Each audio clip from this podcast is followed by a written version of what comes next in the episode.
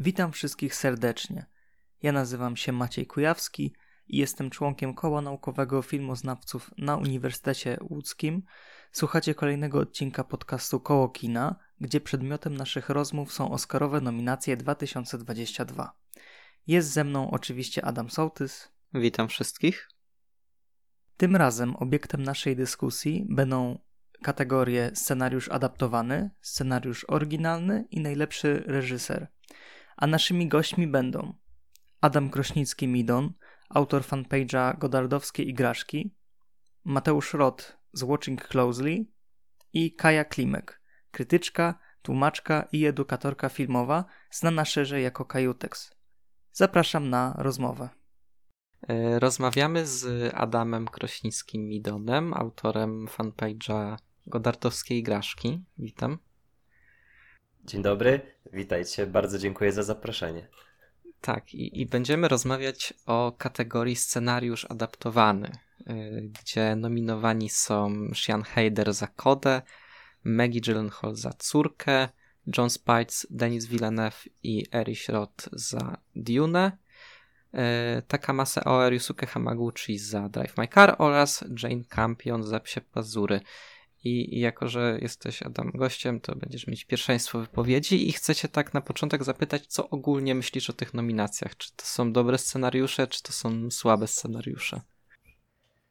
Cóż, uważam i obawiam się, że, że wyjdę w tym odcinku na takiego zgreda, który troszeczkę będzie kręcił nosem na, no nie powiem, że większość, ale tak będzie miał zastrzeżenia do co najmniej trzech z nich, ale też w gruncie rzeczy nie za bardzo, nie za bardzo wchodziłem w taki dyskusję, że hmm, co mogłoby być nominowane, a co nie jest, tylko bardziej przyjąłem tę kategorię, że no cóż, Akademia już zdecydowała, takie dała nam karty do gry, jakie mamy. Y, to, czy są słabe, czy dobre, to, to, to powiedzmy już się zdecyduje przy rozdaniu. E, więc wydaje mi się, że jeśli, jeśli miałbym od czegoś zacząć, to bardzo chętnie zacząłbym od kody, ponieważ to jest sens, który mam na świeżo i, i był on dla mnie wyjątkowo zabawny. Koda to jest taki film, który, o ile się nie mylę, wygrał Sundance, prawda? Tak, wygrał Sundance. Yy, tak. No i to jest film, który ma być takim obrazem o szczęśliwym życiu rodzinnym, a może nie tyle szczęśliwym, co właśnie takim przeplatanym przez chwilę smutku, przez chwilę szczęścia, ale finalnie z którego płynie lekcja, że, że jednak dobrze jest się trzymać razem i, i wsłuchiwać się w swoje własne potrzeby. Tylko problem jest taki, że on jest utkany ze wszelkich możliwych klisz, jakie, jakie istnieją w tym gatunku. Jest według mnie tandetny, skliwy i do bólu schematyczny. Jest do tego stopnia schematyczny, że gdy wczoraj widziałem się z koleżanką, która nie widziała jeszcze kołdy, a, a, chciała, a chciała zobaczyć, to nakreśliłem jej takie powiedzmy pierwsze 20 minut filmu, czyli że e, konflikt bohaterki i rozdarcie między e, tym, że musi pomagać głuchoniemej rodzinie rybaków, ale też mm, próba zwojowania czegoś w e, śpiewaniu, bo, bo też jest obdarzona talentem do śpiewania. I tak zadawałem takie pytania kontrolne w stylu, no jak myślisz, jak rozwinie się wątek z rodziną, jak rozwinie się wątek ze śpiewem? I ona, nie widząc filmu ani zwiastunu, tak, na, tak naprawdę przewidziała 75% fabuły. Nie uważam, żeby to y, jakoś świadczyło za, za jakąś złożonością scenariusza. Ale też no, nawet nie tyle wymagałbym, żeby scenariusz kody był złożony, bo to mogłaby być prosta historia, ale właśnie przez to, że, że, że jest w niej tyle klisz i absolutnie nic nowego, przemawia za tym, że ja bym na pewno nie wręczył statuetki kodzie, ale jestem ciekawy waszego zdania, bo, bo widziałem właśnie, że parę osób całkiem, całkiem polubiło się z filmem. Y, ja się cieszę, że został poruszony temat kody. Od razu przyznaję rację. E, bardzo przeciętny, jeśli nawet nie słaby film. E, mimo, że tutaj, no nie wiem, próbował celować właśnie może te sundance'owe tony w jakieś takie festiwalowe, niszowe kino artystyczne, no ale to wszystko jest No tak artystyczne tak jakoś... to moim zdaniem jest za, za, za dużo. Za dużo, ale, tak. Ale, ale no to, to jest film do kotleta. Tak, ale z drugiej strony też mało kto z, z tego targetu ten film obejrzy, w przeciwieństwie na przykład do takiego filmu King Richard, który wydaje mi się, że dużo więcej osób obejrzy, z takich widzów powiedzmy e, niedzielnych, przynajmniej tak mi się wydaje.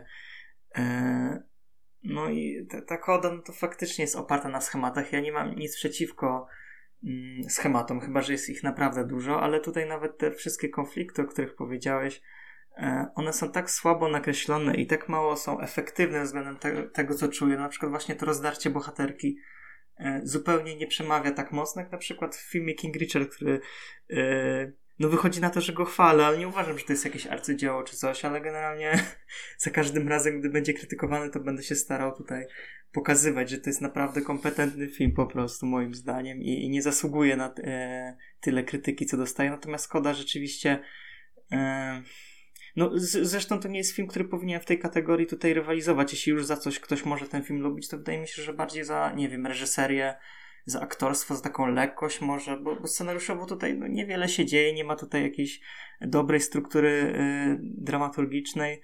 Y, no, życie sobie płynie, jest ładnie, raz śmiesznie, raz smutno i no właśnie.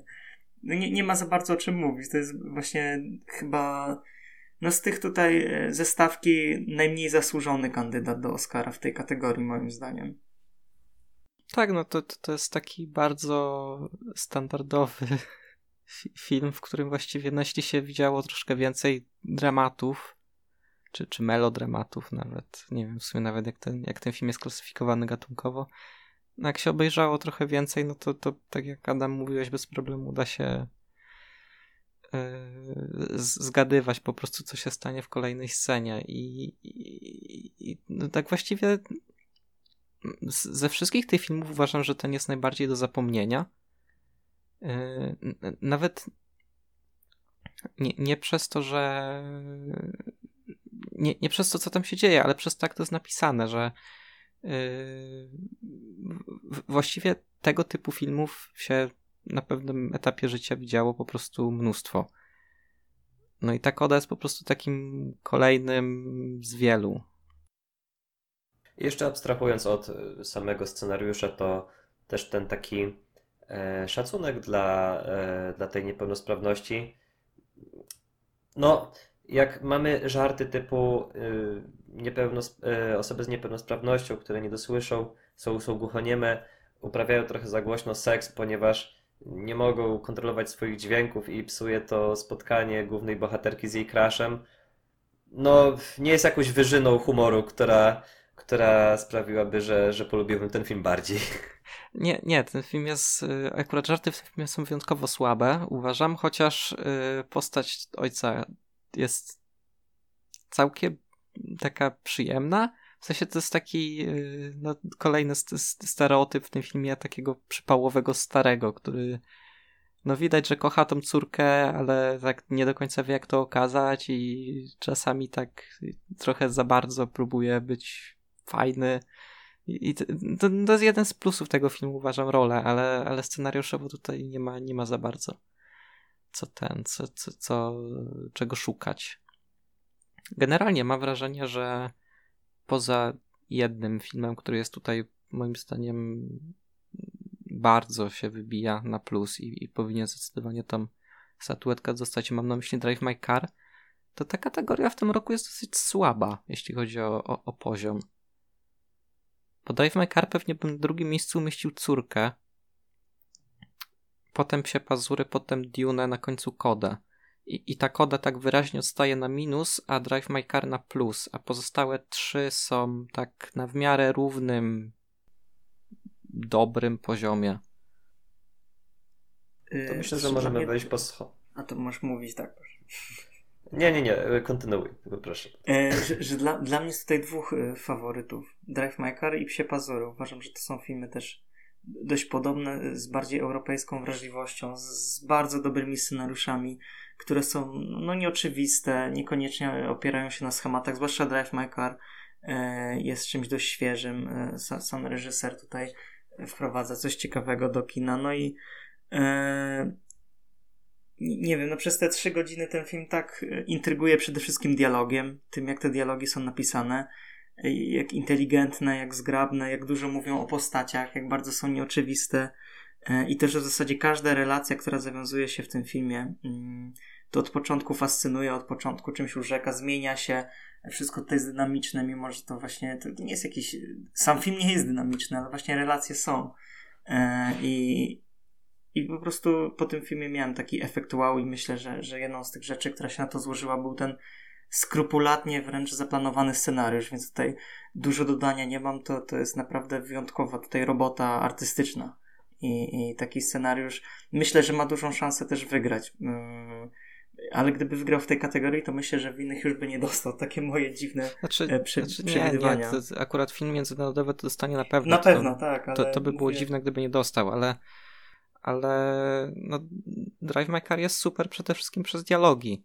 Przez to, jak dobrze się tego słucha, gdzie y, no, zresztą to samo było w tym no bo w tym roku dwa filmy Hamaguchiego dostaliśmy y, czy w zeszłym no, Drive My Car i w Pętli Ryzyka i Fantazji no i w obu filmach są 10-15 minutowe sceny rozmów, które y, kompletnie nie czuć tego, że, tyle, że to tak długo trwa, bo po prostu się tego dobrze słucha. Ja niestety nie jestem aż tak entuzjastą, jeśli chodzi o Drive My Car. W sensie, ja widziałem Drive My Car i y, też y, w Pętli Ryzyka i Fantazji w, na przestrzeni dwóch dni na Nowych Horyzontach i czuję, że poetyka Hamaguchiego to nie jest szczególnie to, co do mnie trafia, ale bardziej mam na myśli reżyserię, bo faktycznie scenariuszowo Drive My Car jest, y, jest solidnym tekstem bardzo doceniam ten kulturalny bagaż. Mm, dużo osób porównywało Drive My Car do filmów Rivetta i, i faktycznie można, można gdzieś dostrzec tę Rivetowość, to na przykład tą pracę nad sztuką. Yy, ale takim moim mankamentem, który mam, że jak na te trzy godziny metrażu, jak na te, te faktycznie angażujące dialogi, to temat radzenia sobie z traumą albo też takimi blokadami wewnętrznymi yy, może nawet nie tyle nie zostaje do końca rozwinięty, co jak na taki metraż jest potraktowany może trochę zbyt dosłownie. Są świetne sceny, w których wybrzmiewają niuanse i to szczególnie się objawia w y, relacji głównego bohatera z jego szoferką, ale w finale, żeby powiedzmy też jakoś nie zdradzać i nie podać dosłownie sceny od początku do końca, mm, moim zdaniem uderza w takie trochę zbyt dosłowne tony, i, i po prostu mimo wszystko uważam, że, że, że to jest lepszy scenariusz niż reżyseria. Tak jak wspomniałem, poetyka Hamaguchiego i też to, jak, jak te jego filmy wyglądają, nie do końca jest, jest, jest tym, czym ja szukam w kinie, ale na pewno doceniam to, jak ten scenariusz jest mimo wszystko precyzyjny. Tylko po prostu uważam, że, że nie do końca te wątki zostały rozwiązane tak, jak, jak uważam, że powinny zostać e, dla, tej, dla tego ciężaru problematycznego. A, a, a co byście powiedzieli o córce? Bo jest to taka tendencja na Oscarach od jakiegoś czasu, żeby yy, nagradzać twórców, którzy się przebijają, przebili, tak jak na przykład Oscara za swój pierwszy film dostał Jordan Peele też za scenariusz, czy Taika Waititi, no nie za pierwszy, ale za taki no naprawdę pierwszy taki, może nie pierwszy, no bo wcześniej był Thor, ale y, ale no za film, który był tak bardziej doceniany krytycznie szeroko, bo no, co robimy w ukryciu jest cudowne, ale to jednak jest film troszkę bardziej y, no, troszkę mniej mainstreamowy, a, a właśnie córka by się wpasowywała trochę w takie nagradzanie tych, tych debiutantów czy osób, które się dopiero przebijają. Y, ja myślę, że ten film jest też dużo lepszy scenariuszowo niż reżysersko, gdzie ogólnie scenariusz uważam za dobry, ale ten film bardzo ciągnie w górę, y, w dół. Yy, bardzo ciągnie w dół reżyseria i to jak nieumiejętnie tam są wplecione te wszystkie flashbacki. Zgadzam się z tym, że, że ta reżyseria jest troszkę toporna w przypadku Maggie Gyllenhaal, ale córka jest moim faworytem w tej kategorii. Ja najbardziej lubię ten film ze wszystkich tutaj pięciu rozstawionych. Uważam, że to jest e, naprawdę kolejny zresztą w tym roku albo na przestrzeni ostatnich lat jakaś taka dekonstrukcja komórki rodzinnej albo inne spojrzenie na, na to, czym może być rodzina. To jest ciekawy dylemat, który dotychczas nie był podejmowany, a przynajmniej tak wprost.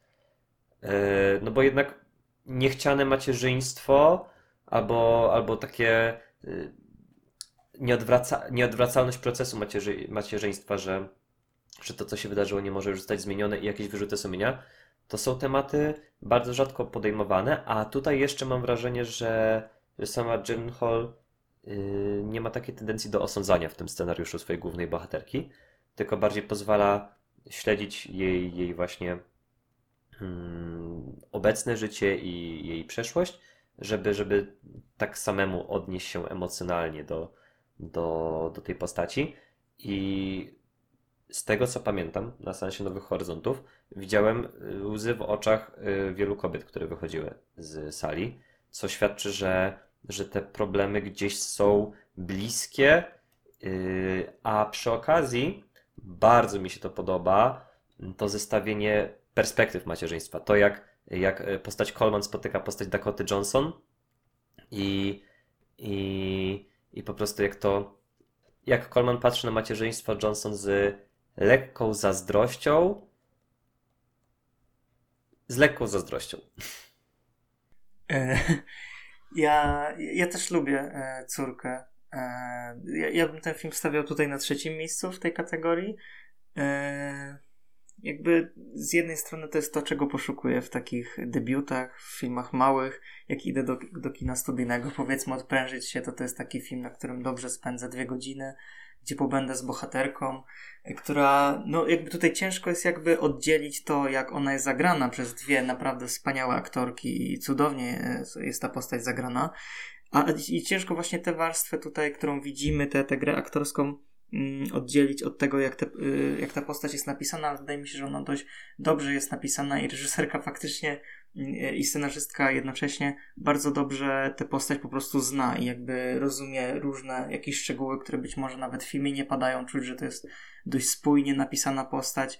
E, no ja, ja bym powiedział, że właśnie ten film nie, nie tyle ma napisaną właśnie jakąś fabułę, a, a bardziej właśnie e, postać, chociaż rzeczywiście tutaj e, na poziomie scenariusza e, i dramaturgii wybijają się te retrospekcje, które w samym scenariuszu uważam są bardzo dobrze mm, umiejscowione. Co do samej reżyserii tych fragmentów y, nie rozumiem do końca zastrzeżeń. No moim zdaniem to jest film, który jakby korzysta z tego, co, co już powstało jak najbardziej. Nie ma tutaj nic nowatorskiego, e, ale to jest dość bezpieczny, trochę, trochę oczywisty może na poziomie zabiegów pewnych artystycznych, mm, ale wydaje mi się, że to działa, że, że jak ktoś lubi tego typu klimaty, właśnie takie dramaty psychologiczne, niemalże monodram, gdzie po prostu mamy bohaterkę ze swoimi problemami, E, I nic więcej nie trzeba do tego dodawać, bo, bo to może się obronić z dobrą aktorką i dobrym scenariuszem, więc e, taka jakby jest moja opinia. No dobra, a co z Dune'ą? Bo to jest. Mam wrażenie trochę dziwna nominacja, bo jakby też y, mówię przez perspektywy osoby, która nie zna książki. Nigdy Dune'y nie czytałem, e, ale nigdy bym nie powiedział, że to jest film, który ma dobry scenariusz on super wygląda, jest świetnym widowiskiem. Y, takim, no, trochę bym to nawet wręcz porównywał do Fury Road, chociaż to są filmy, które są kompletnie inne, jeśli chodzi o tempo. Ale jeśli chodzi o taką czysto, nie wiem, wizualną warstwę, yy, takie doznanie kinowe, no to, to myślę, że jest porównywalna rzecz. No i tak jak Mad Max nie miał scenariusza, tak Duna ten scenariusz ma taki trochę prosty. Yy, gdzie, no tak jak mówię, nie jestem w stanie tego porównać do książki, ale z tego co kojarzę, tam jest bardzo dużo jakichś wewnętrznych monologów i, i takiego światotwórstwa przez y, opisy. No tutaj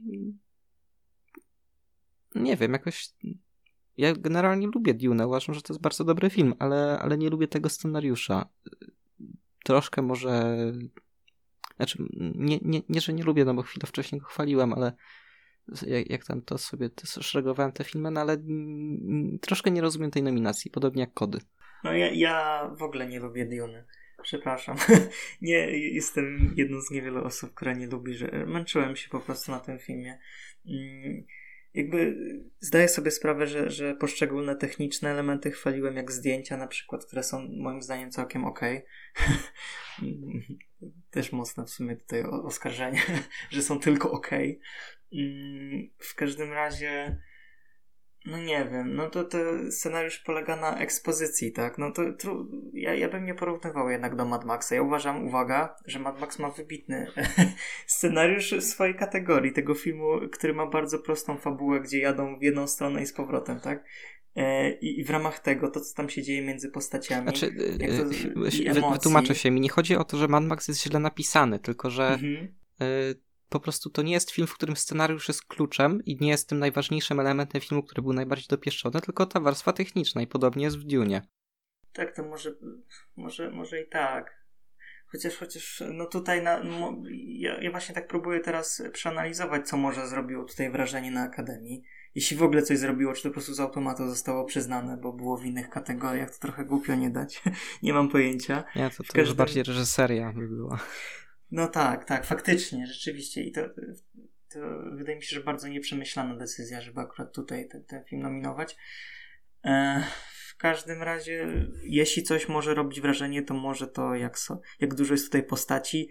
E, brzydko powiem, dużo postaci do ogarnięcia w ramach tej historii, że, że faktycznie, no trzech scenarzystów, tak, jest e, przy tym filmie, więc być może to było trudne zadanie, żeby to pomieścić, żeby ten film nie był nie, nie męczył, no mnie zmęczył, większość osób raczej zadowolona wychodziła z tego filmu, że faktycznie była zafascynowana tym światem, że trochę poznała różnych fragmentów tego świata, e, różne postacie, różne jakieś tam zakątki, naprawdę małe epizody też, które budują tutaj może jakąś głębię tego świata, jego różnorodność. No nie wiem, teraz trochę improwizuję, bo mówię, no mi się ten film nie podoba, ale e, pod tym względem staram się analizować, a ale poza tym to, to no, no, tak, no to jest początek historii. No, myślę, że, że jakbym miał drugą część tej historii, to łatwiej by mi było może ocenić wkład e, tego pierwszego filmu i to e, w zasadzie o czym jest Duna i, i o jakich emocjach, o, o jakiej drodze.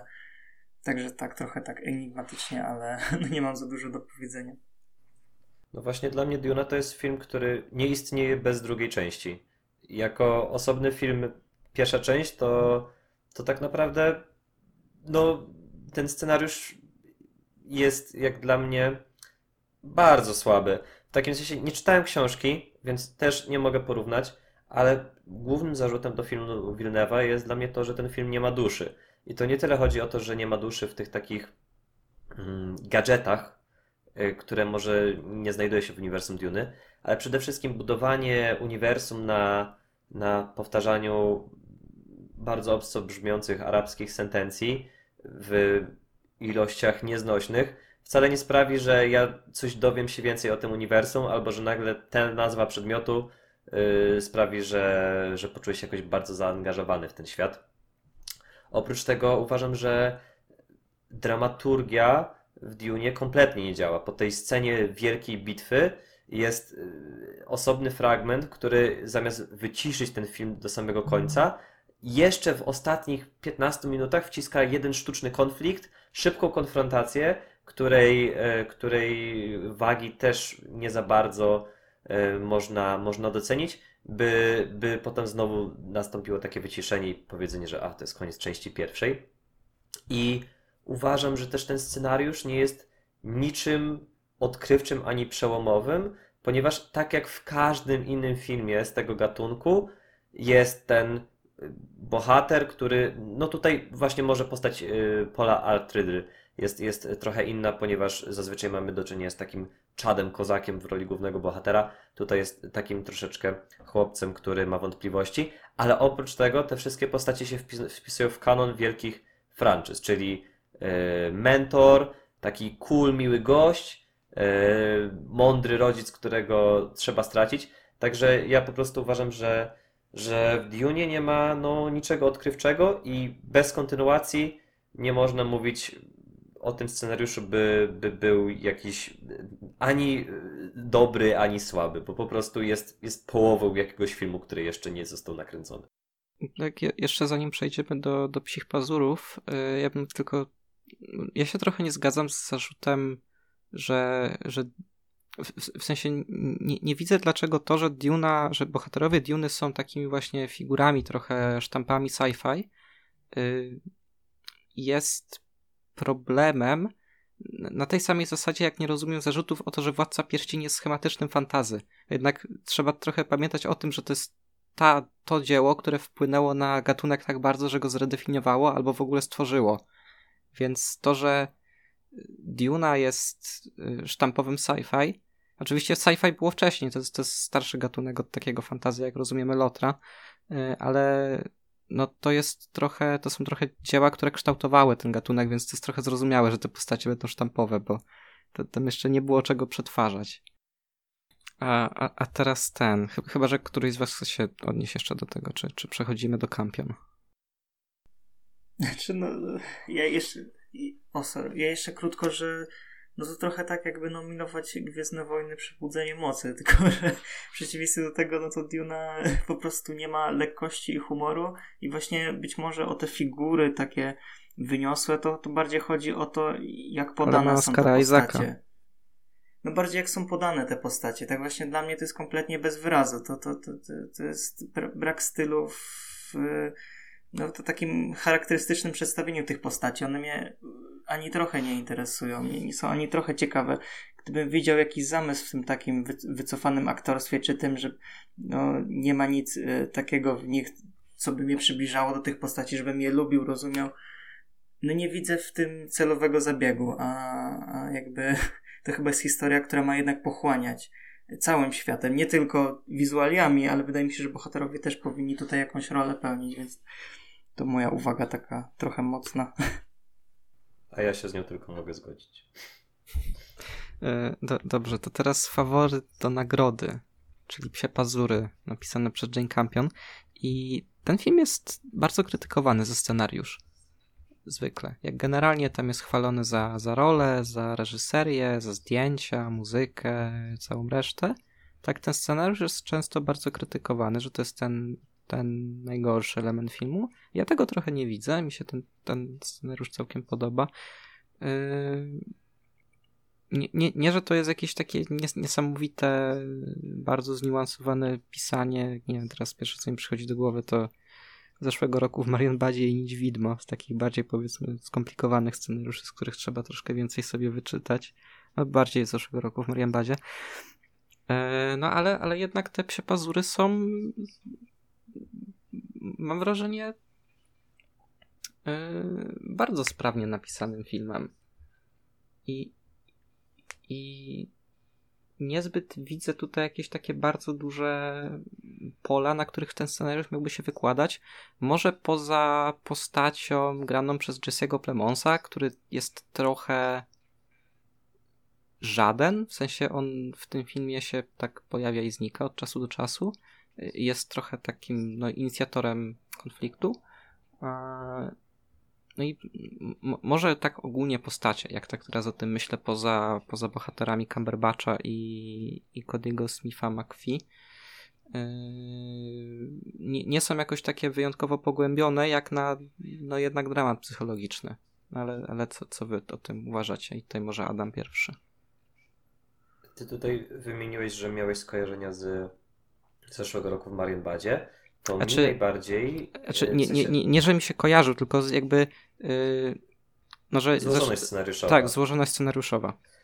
Tak, no właśnie dla mnie i tematycznie, i jeśli chodzi o złożoność scenariuszową, to Psie Pazury są taką nieudaną wersją Białej Wstążki Hanekego, bo też mamy do czynienia z taką narracją, która urywa się w tak naprawdę środku problemu, ale stara się nakreślić go w sposób dosadny. Nie wywleka na pierwszy plan e, brudów, tylko właśnie stara się, by one zostały w niedopowiedzeniach. Tylko ja uważam Białą Wstążkę Hanekego za film wybitny, który oprócz tych, tych różnych skrajnych patologii, które rozgrywają się w czterech ścianach nieskazitelnie czystych murów niemieckich budynków, e, ma gdzieś to zabarwienie historyczne, które może wskazywać na przyczyny powstawania nazizmu. Tymczasem u Campion mm, te urwane sceny w połowie wydaje mi się, że zostawiają widza z taką pustką. I są, są te problemy fajnie przedstawione, jak, jak e, ten wątek bohatera Cumberbatcha z mm, tym młodym, utalentowanym aktorem, którego długiego nazwiska zapomniałem. E, możecie mi przypomnieć? E, Cody Smith, Cody Smith McPhee. Właśnie, Cody Smith McPhee. I ten wątek homoerotyczny, w ogóle cała druga połowa jest, jest lepsza niż pierwsza, ale mimo wszystko dużo, dużo scen i dużo problemów są albo na swój sposób trywialne, albo ich rozwiązania są zbyt proste, by, by urwane w połowie mówiły same za siebie. Takie, takie jest moje zdanie. Sumie, jeszcze, jeszcze zanim ci macie głos oddam, to w sumie to, to porównanie do Białej Wstążki nie wpadłem na to, a, a, a nawet to widzę. Że, że faktycznie te filmy są dosyć podobne. No i, i też no, Biała Wstążka jest arcydziełem. Tutaj jakby nie mam, nie, nie będę polemizować, no ale jestem fanboyem Hanekego, więc... No i super. No, tak trzeba. Pianistka, piękny film. Dobrze, Maciek? E, no chyba najbardziej pozytywnie, ale to też jakby najbardziej pozytywnie o tym scenariuszu się wypowiem, bo uważam, że na każdym poziomie to, to jest doskonały film. Jakby żadna warstwa jego, czy to reżyseria, czy aktorstwo, czy scenariusz, to wszystko bardzo mi się układa w taką naprawdę e, niesamowicie przemyślaną całość, gdzie scenariusz nie jest ani przekomplikowany, ani zbyt prosty, ani zbyt oczywisty. Ja właśnie wręcz przeciwnie, właśnie nie miałem wrażenia z trywialnością, mimo że czułem e, w tym, jak, znaczy jak najbardziej uważam, że ten film nawiązuje do starego kina, że to jest e, trochę film, który nieco jest zanurzony w, w jakiejś takiej starej estetyce, może w tym kinie, które kiedyś było lepsze być może według e, Campion, nie mam pojęcia, może tutaj sięga do, nie wiem, lat 60., 70., e, ten film trochę mi się kojarzył z filmem Niebiańskie Dni Terensa Malika, e, znakomity film kiedy jeszcze Terence Malik robił dobre filmy. To moja opinia. w każdym razie e, no tak, no bardzo piękny scenariusz, pełen subtelności, właśnie tutaj urywanych scen, gdzie bardzo dużo dodaje od siebie aktor, a też wydaje mi się, że w scenariuszu znaczy, no, mogę się jedynie domyśleć. Wydaje mi się, że tyle było zawarte w scenariuszu, jak i w zmyśle reżyserskim Jane Campion, że aktorzy absolutnie w każdej scenie wiedzieli, co grać, co pokazywać. E, nie musieli jakoś na siłę szarżować, dodawać czegoś. Wszystko tam było, no nic dodać, nic ująć. W każdej scenie. E, no jakby ponownie, jeśli muszę zauważyć jakąś tendencję w tych filmach, które są tutaj nominowane, to wydaje mi się, że większość z tych filmów Mm, bardzo skupia się na postaciach, prawda? Jakby na, na tym, jak zbudowani są bohaterowie, że to chyba robi wrażenie w większości tych filmów, a niekoniecznie jakieś przemyślane intrygi, tak? Nie ma tutaj filmu, nie wiem. Pierwsze, co mi przychodzi do głowy, nie ma tutaj Knives Out czy czegoś takiego, e, gdzie intryga by bardziej robiła wrażenie, albo, albo jakaś zaskakująca fabuła, jakaś naprawdę narracyjnie skomplikowana całość. Nie, tutaj mm, ma, mamy filmy, które są nieco epizodyczne, ale. E, ale zawierają masę emocji w scenach, gdzie, gdzie dużo przebywamy z bohaterami, tak mi się przynajmniej wydaje, nawet w tej kodzie nieszczęsnej. E, no ale psie pazury to jest tak jakby wziąć kodę i po prostu tchnąć w nią e, niesamowitą dawkę po prostu artystycznego, nie wiem, zmysłu i e, no, duszę ma ten film w sobie po prostu. No to... I, I zamienić ryby na konie. tak, dokładnie. No więc tyle ode mnie. No okej, okay, no to ten. Tak, yy, jakbyście mieli wskazać zwycięzcę. Myślę, że myślę, że wygrają psie pazury, ale zasługuje córka. Na początku mówiłem, że Drive Maker i psie pazury, ale teraz przekornie powiem, że zdecydowanie psie pazury. Najpiękniejsze. Nie, to dla mnie powinny wy, powinno wygrać Drive Makara, wygrają się pazury, bo ten film prawdopodobnie zrobi sweepa. Eee, no dobrze, no to tak jeszcze ten się przeciągnęła ta rozmowa, ale no jeszcze ci, ci Adam oddaję te twoje obiecane przed rozmową 5 minut na ponarzekanie albo pochwalenie Akademii za ich decyzje tegoroczne, więc scena twoja. Dziękuję. 5 minut może mi to nie zajmie, jako że troszeczkę już y, wyszliśmy ponad planowaną normę, ale po pierwsze, najlepsze filmy Terensa Malika to są późne filmy Terensa Malika i to nie jest konkretnie związane z Oscarową naszą debatą, ale uznałem za potrzebne e, powiedzieć to moje zdanie. A już bliżej Oscarów, to przede wszystkim brakuje mi jakichkolwiek nominacji dla Come on, Come on Mike'a Millsa. E, gdybym mógł, to bym wręczył temu filmowi Best Picture, najlepszych aktorów i tak dalej. I bardzo żałuję, że, że, że w żadnej kategorii się po prostu nie znalazł, ale możliwe, że to też kwestia promocji zrobiła swoje. najbardziej w, w najlepszym filmie kibicuję Polowi Thomasowi Andersonowi z Licorice Pizza. E, nie uważam, żeby w tym roku ta, ta stawka była jakoś mocna w Best Picture, ale i tak serce szybciej mi bije, gdy myślę o, o Licorice Pizza. A jeśli chodzi o takie największe rozczarowanie albo żal do Akademii, to jest to, że Greenwood nie dostał nominacji za muzykę za Spencer. Myślę, że ten soundtrack do Spencer jest o wiele bardziej zróżnicowany niż do Psich Pazurów, chociaż żeśmy już przed rozmową wspomnieli, że tutaj Greenwood mógłby się bić z samym Greenwoodem. Ja się z tym jak najbardziej zgadzam, tylko po prostu uważam, że, że ta właśnie jego ścieżka do filmu Laren, Larina jest o wiele ciekawsza, miesza jazz z takim właśnie troszkę radioheadowym brzmieniem, też tymi smyczkami, do których nas przyzwyczaił. Uważam, że to jest po prostu wybitna ścieżka dźwiękowa, ale też album sam w sobie. No, ja jestem ogólnie fanem Greenwooda jako, jako kompozytora i też jako no, ogólnie twórcy w Radiohead również. Mi się bardzo w tej ścieżce do, do Psich Pazurów podoba to, jak mało westernowa jest. Że to, to momentami brzmi trochę jak soundtrack z horroru wręcz. Co fajnie koreluje z antywesternowością samych Psich Pazurów i, i fabuły. Mhm. No to, Chociaż to prawda krótko, że te smyczkowe brzmienia i ogólnie kształt tej muzyki przywołuje jakieś skojarzenia, wydaje mi się, z, takim, z takimi może dramatami psychologicznymi osadzonych e, w, w jakichś czasach, takich konkretnych epokach historycznych. Mam tutaj na myśli chociażby Aż poleje się krew wspomnianego Andersona, gdzie wydaje mi się, że muzyka była no, w całkiem podobnym klimacie utrzymana, ale bez dwóch zdań wspaniały jest soundtrack w Psich Pazurach i Spencer to samo. Mogę się tylko podpisać po tym, co, co mówicie. Mm, tylko ten, no, no Greenwood powinien wygrać, zdecydowanie. Jak generalnie ja lubię, y, lubię soundtrack Dune i, i pewnie Zimmer to dostanie, po prostu tak y, no przez to, że Duna będzie dostawać tego typu nagrody. E, i dostanie tą, tą swoją wyczekaną drugą statuetkę, no tak jednak z, zwykle Greenwood jest nominowany, a ostatnio jest chyba za każdym razem jak coś skomponuje, tak mi się przynajmniej wydaje, na pewno do wszystkich filmów Andersona, e, no to, to on zdecydowanie praktycznie zawsze deklasuje konkurencję. No ale też patrząc na biedaka na czerwonym dywanie, jak, jak się prezentuje, jak na jego twarzy no, maluje się taka trochę niechęć przebywania w tym Oscarowym gronie. Może to lepiej, że nie wygra tej statuetki bo, bo po prostu się trochę może spali ze wstydu albo z, z jakiejś niechęci malującej się na jego twarzy, gdyby miał dać mowę wiążącą po odebraniu statuetki. Ale i tak mu kibicuje. Nie, no, należy mu się jak psu Buda. Spiekielnie zdolny człowiek. Mm, do, do, dobrze, czy macie coś jeszcze do, do powiedzenia? Raczej nic. Raczej nic, Maciek? Nic. Nic, nic.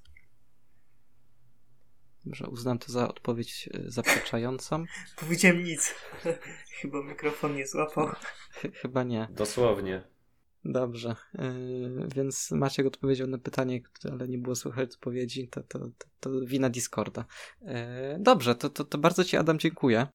Ja też Wam bardzo dziękuję za zaproszenie. I, i, nie wiem, może, może się kiedyś jeszcze u nas w tym, w tym naszym osobnym projekcie pojawisz, tym o horrorach, ale nie, nie wiem, jak ty z horrorami stoisz. Dziękuję za zaproszenie. Może będę kiedyś lepiej stał z horrorami, bo ja sam nie wiem, jak stoję z horrorami, ale zapraszam y, wszystkich, którzy to słuchają i dotrwali do tej 40 minuty na godardowskiej igraszki. Tam nie mówimy o Oscarach, ale o, o kinie właśnie nie Oscarowym, ale jest, jest miło, więc zapraszam. Tak, ja też bardzo polecam Godardowskie Igraszki. To mówię tak w, w, pełni szczerze od serca, nie dlatego, że założyciel tutaj jest i mnie słucha. Nie, jakby serio, cudowny fanpage, jestem fanem. Dobrze, to, to, to, to, to, to, to co? Papa. Pa. Miłego dnia. Żegnamy się. Rozmawiamy z Mateuszem Rotem, którego możecie znać z bloga Watching Closely. Witamy Cię, Mateuszu. Witam serdecznie. Porozmawiamy o kategorii scenariusz oryginalny. E, już tutaj przedstawiam e, nominowanych. Kenneth Branagh za e, Belfast, Zach Bailin za King Richard, Paul Thomas Anderson za Licorice Pizza, Eskil Vogt i Joachim Trier za Najgorszego Człowieka na świecie i Adam McKay i David Sirota za Nie patrz w górę. Także może zacznijmy od tego, e, bo rozmawialiśmy już o scenariuszu e, adaptowanym. Jak prezentuje się taka kategoria w porównaniu do innych? E, czy jest tutaj jakiś mocny faworyt waszym zdaniem, czy ogólnie mocna jest ta kategoria? Może kogoś brakuje? Wypowiedzcie się. Mm, no to może ja zacznę.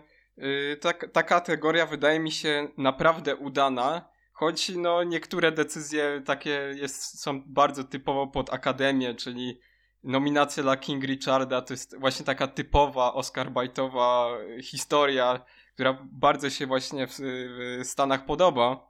Także no, no, takiego typu nominacje były co roku i po prostu trzeba się z tym pogodzić, że, że takie nominacje będą.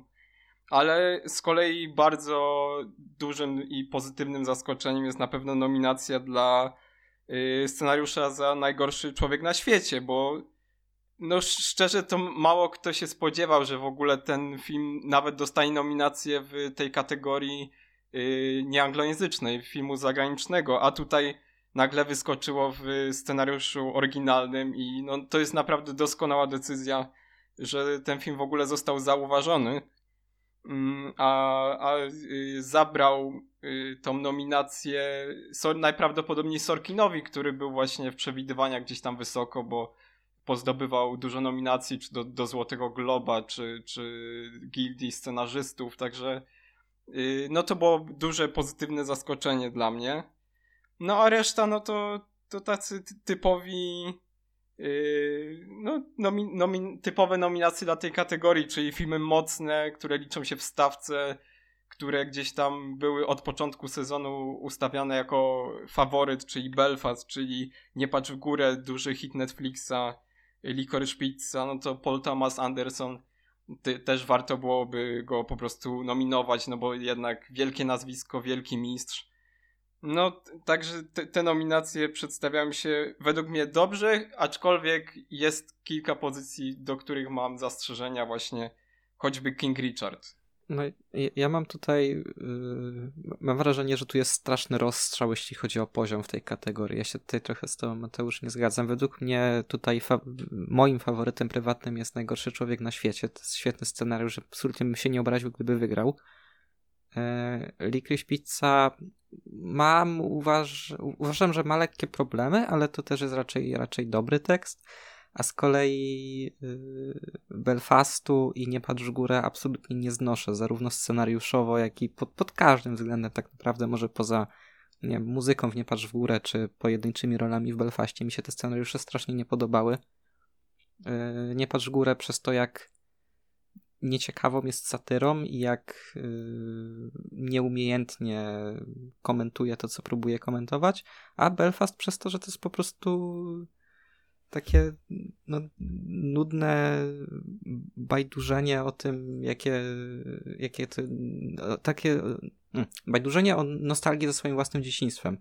E, I, I, ja mam z tym problem, bo po prostu nie lubię takich filmów, więc więc pewnie też przez to mi się, mi się nie podobały. King Richard to jest dla mnie bardzo poprawny film, który jest e, takim standardowym biopikiem, który no, musiał się tutaj pewnie znaleźć, chociaż no, pewnie były lepsze wybory yy, z filmów, które się w zeszłym roku ukazały.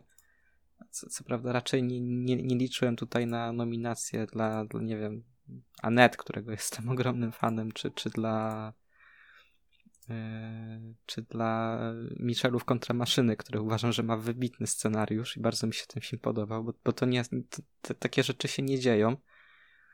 No ale no to, tak jak mówię, bardzo mi się tutaj na plus wyróżniają te dwa scenariusze Andersona i Wokta i Triera, a ta reszta to tak no mogłoby ich tutaj nie być, mógł, mógł tutaj być ten, zamiast Branaga mógłby być e, tutaj ten Sorkin, uważam, że to są tak samo złe scenariusze, więc różnicy by mi to nie zrobiło. Znaczy, powiem tak, ja się zgadzam z, ze słabością scenariusza yy, filmu McKeya, bo osobiście te, też niezbyt lubię ten film, ale jednak yy, to, co wzbudził ten film, ile dyskusji spowodował, no to, to, to jest jakiś rodzaj fenomenu i no, wydaje mi się, że członkowie Akademii nagrodzili nominacją ten film właśnie z, za tą dyskusję, która się wokół tego filmu yy, stała. Ja osobiście mam zdanie, że ten film jest bardzo płytki i no niezbyt mnie przekonała ta wizja Mackeya. Jest bardzo taka yy, po łebkach, bardzo też taka cyniczna i osobiście mm, nie lubię tego filmu, ale zgadzam się z nominacją, bo jednak warto docenić to, jaką dyskusję ten film spowodował. Też przede wszystkim ten film jest bardzo nieśmieszną komedią. Tak, tak, tak. Mhm. Znaczy, z mojej strony, ja akurat nie patrz w górę, chciałem bronić właśnie głównie tylko i wyłącznie za aspekt komediowy. Chociaż, no, jeśli chodzi o żarty, to myślę, że tam jest pół na pół. No, część się udała, część się nie udała, moim zdaniem. Ale ogólnie, może ze względu na takie tempo tego filmu, ja się na nim bawiłem całkiem nieźle, ale zgadzam się, że jest dość płytki i no najwyżej ok, ale całkowicie mnie nie dziwi ta nominacja. To jakby patrząc na gusta Akademii sprzed lat i to, co nominują, to to po prostu był pewniak w tej kategorii, wydaje mi się, przynajmniej jeśli chodzi o, o nom nominację.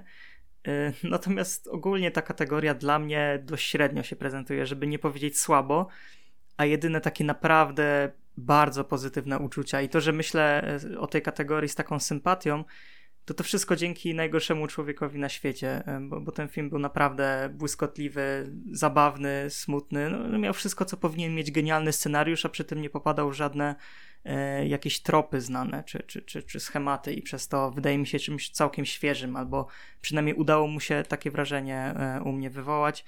E, no, pozostałe scenariusze. No, no, ja się cieszę, że jest King Richard mimo wszystko. Absolutnie nie uważam, że ten film powinien wygrać, mm, ale sama nominacja za scenariusz E, sprawia, że zapaliła się u mnie taka lampka, że o, że nie tylko ja uważam, że ten film ma coś więcej do zaproponowania niż e, główna rola aktorska.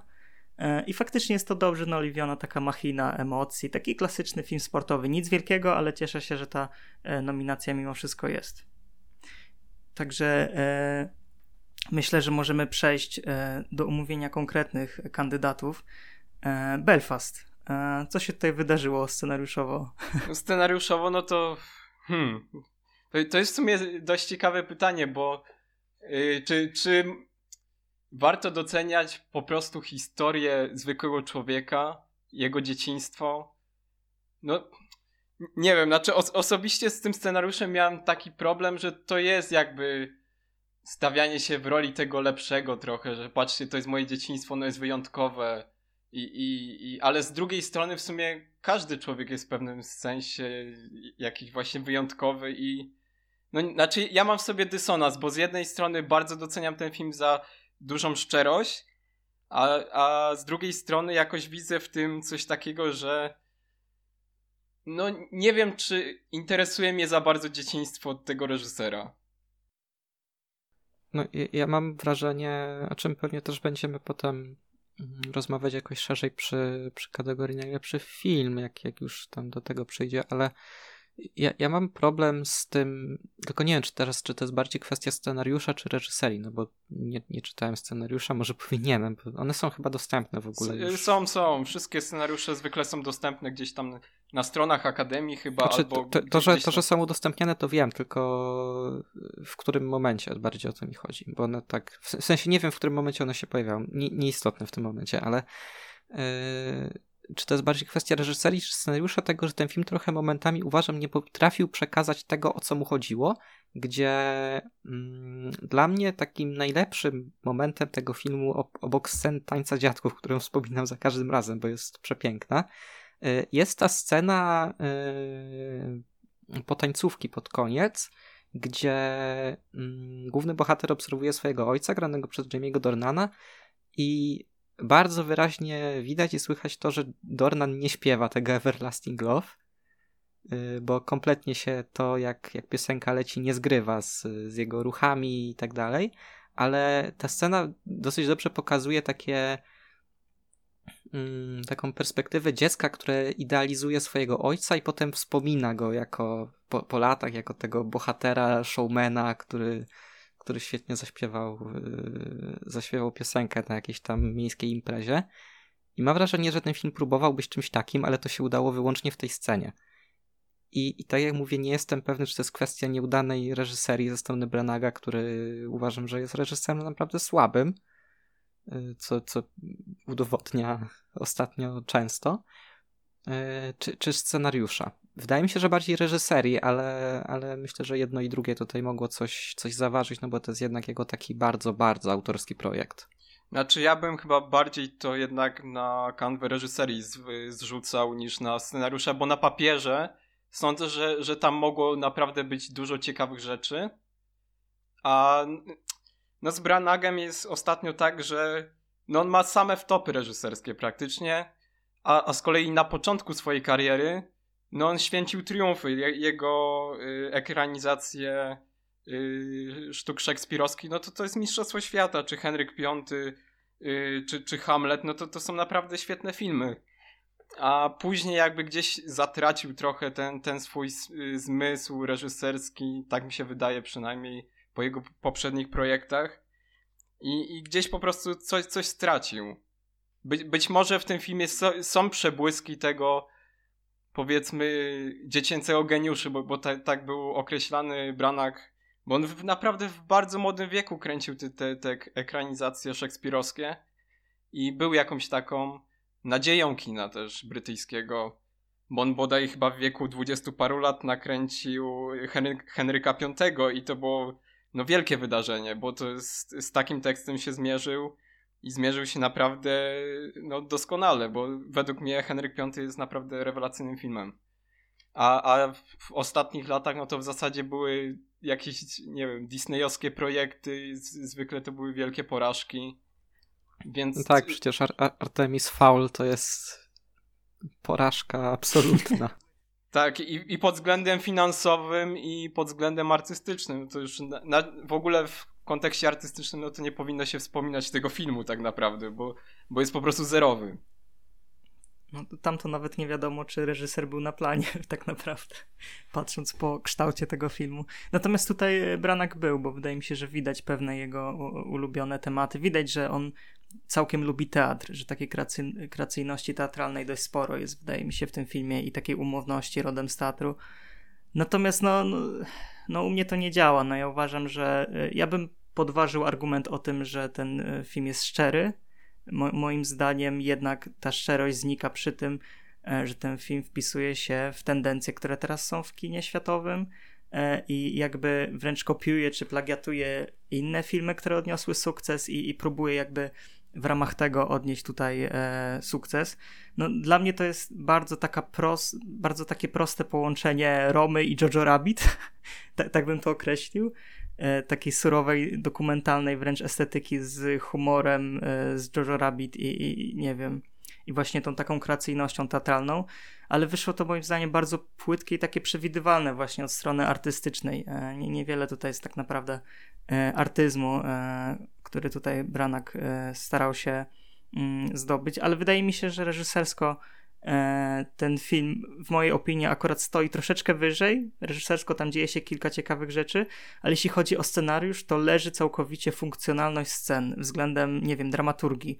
Bo właśnie tutaj Adam wspomniałeś te dwie sceny, które też są moje ulubione z tego filmu, czyli właśnie e, scena tańca e, babci z dziadkiem i scena pod koniec, gdy ojciec głównego bohatera śpiewa, to są bardzo ładne sceny, które budzą pozytywne emocje, ale w ramach funkcjonowania w tym scenariuszu to nic nie wnoszą za bardzo. Jakby uważam, że właśnie pod tym względem konstrukcyjnie ten scenariusz leży po prostu i nie ma tutaj dobrej dynamiki. Tak naprawdę to jest po prostu przedstawienie emocji sentymentalnych, jakby bardziej momentów z życia, niż ustawienie tego w, jakąś, w jakiś ciekawy przekaz, w jakąś ciekawą dramaturgię.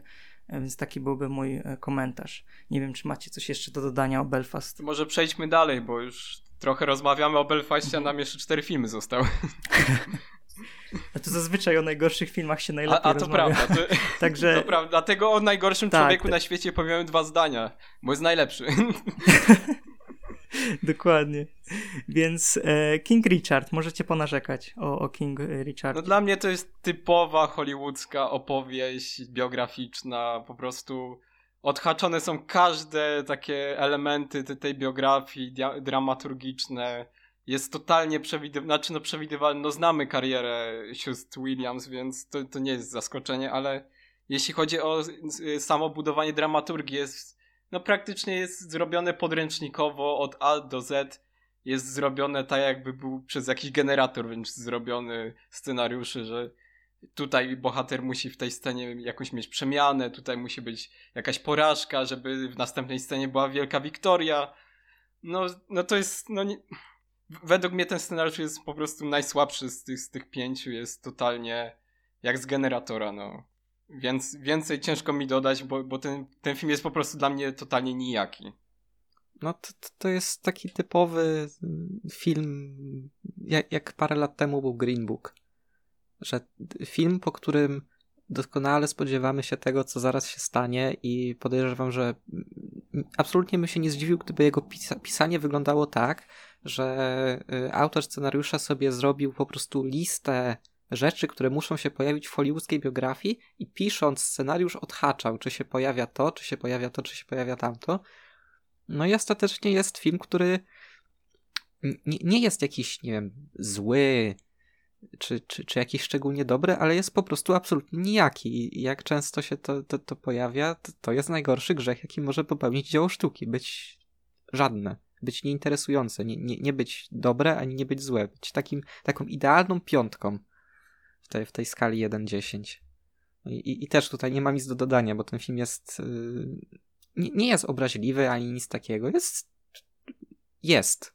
Bo ten I film się przy, przyjemnie ogląda, ale gdy się kończy, no to w sumie tak wychodzimy w poczuciu, no okej, okay, no film się skończył, no i w sumie tyle.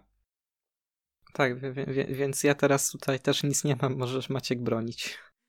Ja, ja nie wiem, czy jestem w stanie bronić po tych waszych mocnych e, oskarżeniach. E, no mogę jedynie próbować e, jeszcze kogoś tutaj przekonać, kto może nie widział, czy... No nie wiem, no, no moim zdaniem to jest naprawdę koherentny, w porządku, całkiem udany film. E, co do tego, że jest generyczny i tak i nie, ja się zgadzam, ja miałem porównania, że to jest zgodnie z takim wręcz klasycznym kinem hollywoodzkim, to to jest jak machina po prostu. Mamy tutaj pokładane sceny smutne z radosnymi na przemian, e, mamy właśnie przemiany bohatera, ciągłe konflikty, ale też jakby nie czułem się jakoś e, zmęczony tym. Czułem, że to jest dość wyważone, że film jest dość e, spójny, e, jeśli chodzi o te mm, przedstawiane wydarzenia. E, no i właśnie chyba ta dynamika mnie angażowała. Ja zresztą chyba muszę przyznać, że lubię kino sportowe, lubię e, serię o Rokim i tutaj czułem coś podobnego. Bardzo mi się podobało, że esencją tego filmu wcale nie są te sceny tenisa czy, czy zmagania sportowców, ale bardziej takie zmagania od strony psychologicznej, te ciągłe konfrontacje między bohaterami, e, rozmowy, wymiany spojrzeń. I tutaj to jest. I to jest bardzo fajne e, dla osób, które lubią takie klasyczne hollywoodzkie filmy sportowe. Co prawda można żałować, że ten film w pewnym momencie mm, z takiego bardziej dramatu e, przyjmującego przemienia się trochę w bardziej radosny i motywacyjny film pod koniec. Wręcz bardzo motywacyjny, aczkolwiek to u mnie działało i naprawdę bawiłem się dobrze i uważam, że wiele emocji można odczuć e, w trakcie tego filmu, jeśli ktoś otworzy się na bardziej, powiedzmy, standardowe produkcje e, i lubi kino sportowe, to, to myślę, że można e, coś z tego wyciągnąć, coś wartościowego, mm, że pod tym względem ten scenariusz jest dość przemyślany, że to nie jest puste po prostu przedstawienie relacji, przedstawienie kolejnych wydarzeń z życia bohatera, a bardziej ułożenie w tego jakąś strukturę narracyjną, która budzi u nas jakieś przywiązanie do bohaterów, jakieś emocje i mi się to całkiem podoba. E, dobrze, rozgadałem się. E, przejdźmy do mm, Licorice Pizza. Chyba taki rodzynek trochę też w tym zestawieniu, wydaje mi no się. No tak, na, na pewno tutaj mam, zrobiłbym takie porównanie do Belfastu, bo Licorice Pizza w sumie też jest poniekąd opowieścią o, o początkach kariery yy, Paula Thomasa Andersona, oczywiście ubrane w jakiś tam cudzysłów, ale no, jednak o, o czasach je... jego młodości. O, o czasach jest... jego młodości, tak. I, jednak tutaj wychodzi yy, jakby to, że no Paul Thomas Anderson jest wielkim mistrzem, a Kenneth Branagh no i nie jest nim. Mimo, że bardzo by chciał, no to nie jest nim. Bo w, ty, w tym scenariuszu Andersona yy, tyle rzeczy działa i jakby na podobnej zasadzie jest jak Belfast, tak? Czyli opowiada o młodości z jakimś tam sentymentem, y, z, z jakimś tam właśnie powiedzmy nawiasem, jeśli chodzi o, o y, wspomnienia, czy, czy, czy jakieś y, właśnie taką konwencję w, y, wspomnieniową, no to, to u Andersona znacznie lepiej działa i, i, i ta fragmentaryczność historii i, i to, że właśnie się składa z takich y, mikroscenek, wspomnień, no to po prostu jest coś cudownego. Jest, tam jest mnóstwo serca w tym wszystkim, mnóstwo szczerości. Yy, no to, dla mnie no to, to jest jeden z najlepszych w ogóle scenariuszy w, w tym roku i, i dla mnie w ogóle Rico Pizza no to to jest absolutne objawienie sezonu. Film, na który bardzo czekałem, bo nie ukrywam, że Paul Thomas Anderson ma szczególne miejsce w moim sercu.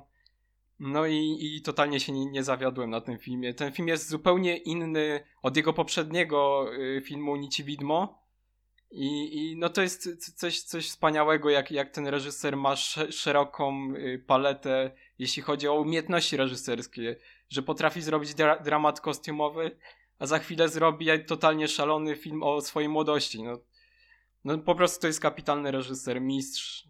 Jeden z, dla mnie jeden z największych mistrzów kina aktualnie. No ja, ja tutaj też jestem mocno, mocno biased, bo jestem bardzo dużym fanem Paula Thomasa Andersona. Jego Magnolia to jest y, film, który od momentu, gdzie go obejrzałem jest tak, ma bardzo mocne miejsce w, moim, w mojej topce wszechczasów. E, co prawda tutaj przy, przy Pizza uważam, że to jest jeden z jego gorszych filmów i, i, i w, raczej bym go, bym go umieszczał na dole stawki. Scenariuszowo też mam wrażenie, że to nie jest aż tak dobry tekst jak na przykład właśnie Magnolia czy, czy Mistrz al, albo Nić Widmo, ale, ale no, to nadal jest bardzo udana produkcja i co prawda troszkę moje uczucia względem, względem tego filmu okrzepły niż yy, momentu, gdzie byłem zaraz po seansie i naprawdę wyszedłem bardzo zadowolony. Może nie zachwycony, ale bardzo zadowolony.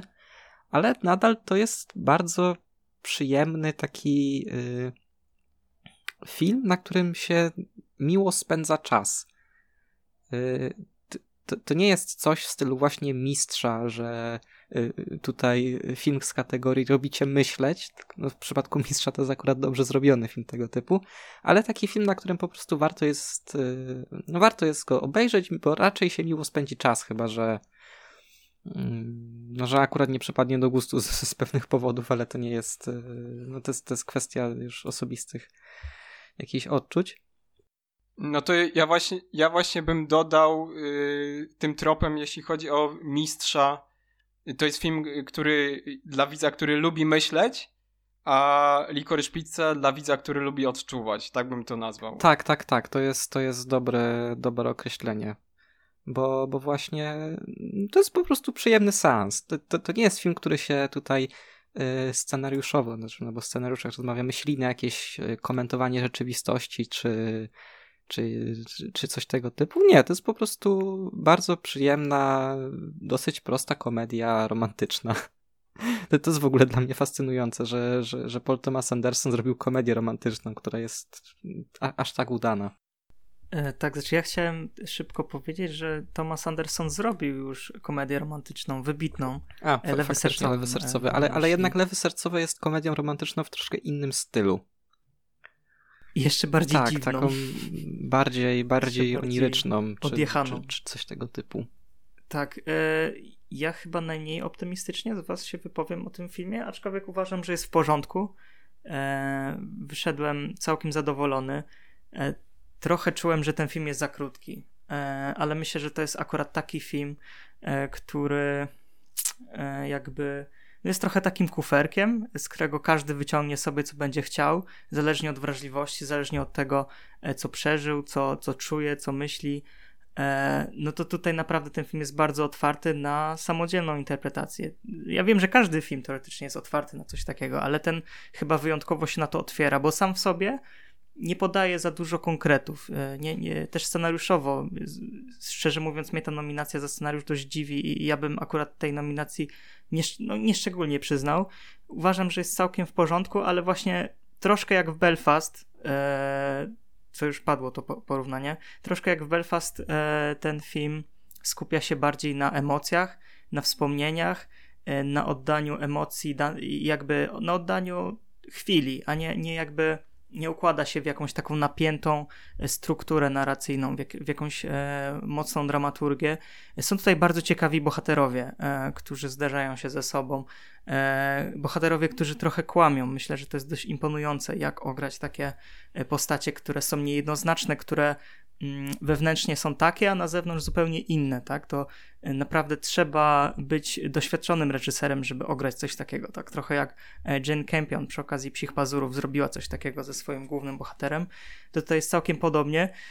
E, tak, no i podobnie jak w Belfaście reżyser patrzy przez takie szkiełko nostalgii, ale wydaje mi się, że dużo bardziej wychodzi to obronną ręką i ja jednak ten film e, za reżyserię jak najbardziej bym nominował, za scenariusz niekoniecznie, no, nie zrobił na mnie jakiegoś szczególnego wrażenia. Zresztą sam film e, może z czasem zyska, ale na razie uważam, że jest e, w porządku, że to był miły czas, ale nic wielkiego we mnie po nim nie zostało, więc taka jest jakby e, moja opinia.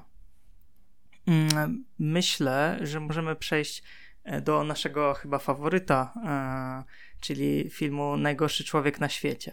E, to, to jakbyście mogli opisać, co tam zadziałało? No tam za, y, zadziałało praktycznie wszystko. To, to się zgadzam. Ten film jest abso absolutną petardą i jeszcze raz to powtórzę. Bardzo się cieszę, że Akademia zauważyła przede wszystkim ten film, że go należycie doceniła, chociaż tak naprawdę należało się też i za reżyserię, i za aktorkę, i za film, bo no, to jest jeden z najlepszych filmów tego sezonu. Tak, tak, tak, tak, tak naprawdę i scenariusz jest no, po prostu rewelacyjny. To jak skonstruowany jest jak książka, tak? Czyli ma, ma swój prolog, 12 rozdziałów, ma epilog. No to jest, to jest niby prosty pomysł, ale totalnie jest, świetnie to działa. Yy, jeśli chodzi o budowanie głównej postaci, bo, głównej bohaterki, jej przemiana na, na przestrzeni całego filmu, yy, tak jak ta postać dojrzewa na ekranie, do jakich wniosków dochodzi, tak jak ten film się kończy, no to jest po prostu, no to jest perła, perła kinematografii i świetnie, świetnie że został w ogóle zauważony i doceniany przez Akademię. Ja tutaj to, to właściwie zbyt dużo do dodania mieć nie będę. No to, jest, to jest film, który jest. Yy, nie uważam go za arcydzieło, ale to jest yy, naprawdę świetne kino. Jest piekielnie inteligentny, jest zabawny wtedy, wtedy, kiedy ma być zabawny, wtedy, kiedy ma być taki bardziej Y, ujmujący również, również to robi. No, nie, nie mam tutaj w ogóle zarzutów. To jest film, który w cuglach wygrywa tą kategorię, mimo mojej ogólnej sympatii do Andersona i tego, że uważam, że jemu się po prostu Oscar należy od dawna, bo udowadnia, że jest świetnym twórcą od ilu? Ponad 20 lat, 30 prawie no to nadal tutaj bym, bym nagrodził Wokta i Trira, bo napisali jeden z moich ulubionych scenariuszy zeszłego roku. Chyba tylko, jeśli chodzi o takie autorskie, no to wydaje mi się, że, że jedynie Titan tutaj by mogło jakoś, jakoś rywalizować. Z różnych powodów, ale Titan nominacji tutaj nie ma, więc, więc najgorszy człowiek na świecie po prostu de deklasuje konkurencję. Tak, y, mnie szczerze mówiąc dziwi, że w środowisku krytycznym, czy ogólnie na świecie, no są zachwyty ty, tym filmem, ale dziwi mnie to, że są też osoby, które no tam są trochę obojętne, czy może y, jakby y, stwierdzają, że jest to film średni. Mimo wszystko dla mnie to jest taki film, że dziwię się, że nie zachwyca absolutnie wszystkich, ale, ale co tutaj mówić. Być może po latach będzie odkrywany jako taka mała perełka, kto wie. Mm, w każdym razie, no, te, ten scenariusz jest tak błyskotliwy, tak bystry, e, przewrotny. No, jakby to, co Adam właśnie powiedziałeś, że tutaj jest absolutnie wszystkiego po trochu, to wszystko się łączy w jedną całość. Jeszcze ten e, podział na, e, na rozdziały, o którym ty, Mateusz, powiedziałeś, też to wszystko sprawia, że mamy do czynienia z bardzo pedantyczną, przemyślaną całością. E, no, no ja jestem cały czas zachwycony, cały czas myślę o tym filmie. Gdybym miał do czegoś porównać, to pierwsza moja myśl po seansie była taka, że to jest troszeczkę jak Lady Bird Grety Gerwig, tylko o 30-latkach, która mierzy już się, e, o bohaterce, która mierzy już się z innymi e, problemami, problemami już e, nieco dojrzałej osoby, dojrzalszej. Natomiast jednocześnie scenariusz tego filmu wydaje mi się, że spełnia wszystkie zasady dobrego scenariusza, dobrej szkoły scenariopisarskiej. Tak samo jak King Richard spełnia te zasady, natomiast w Kingu y, Richardzie e, no, sprowadza się to do oczywistości, do tego, że wiele osób pewnie oglądając Kinga Richarda przewraca oczami, rozpoznając kolejne tutaj e, motywy, kolejne konflikty, które muszą być i tak dalej.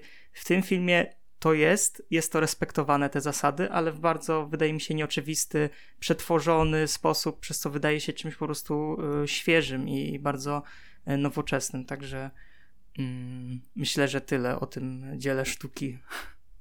A słuchajcie, a nie patrz w górę. Smr smród. Prze przebój smród. Netflixa. straszny smród. To jest, e, tak jak wiele razy było, było podawane w, różnych dyskusjach, to jest jeden wielki, ponad dwugodzinny nieudany sketch SNL-u. To jest film, który e, bardzo próbuje pokazać, że jest inteligentny, że w ciekawy sposób komentuje rzeczywistość i robi tutaj jakieś takie e, zmyślne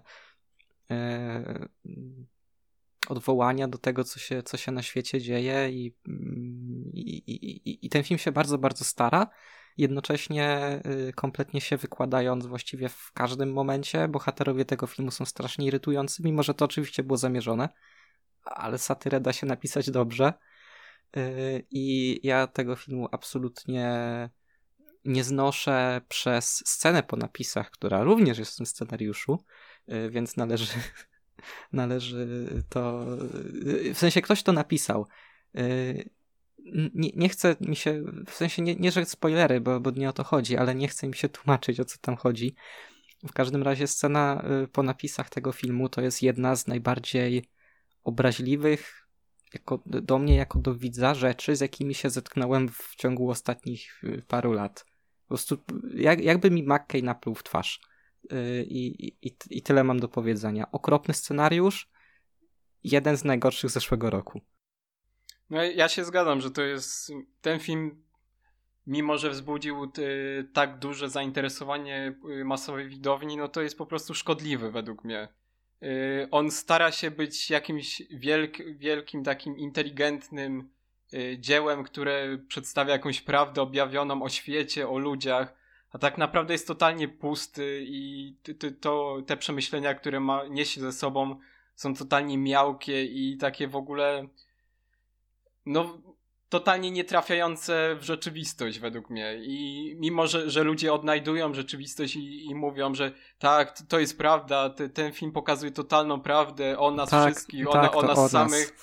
A, a tak naprawdę to jest totalna fikcja i, i według mnie McKay totalnie przestrzelił tym scenariuszem i, a uważa, że jest jakimś yy, geniuszem i, i, wie wszystko o ludziach i wie wszystko o społeczeństwie, a tak naprawdę nic nie wie. To, tak, to jest dobre chyba podsumowanie, że on nic nie wie. e, tak, no, no mi przeszkadza właśnie chyba ta skala tego filmu, to, że on stara się być taką wielką, ostateczną wypowiedzią na temat wad ludzkości.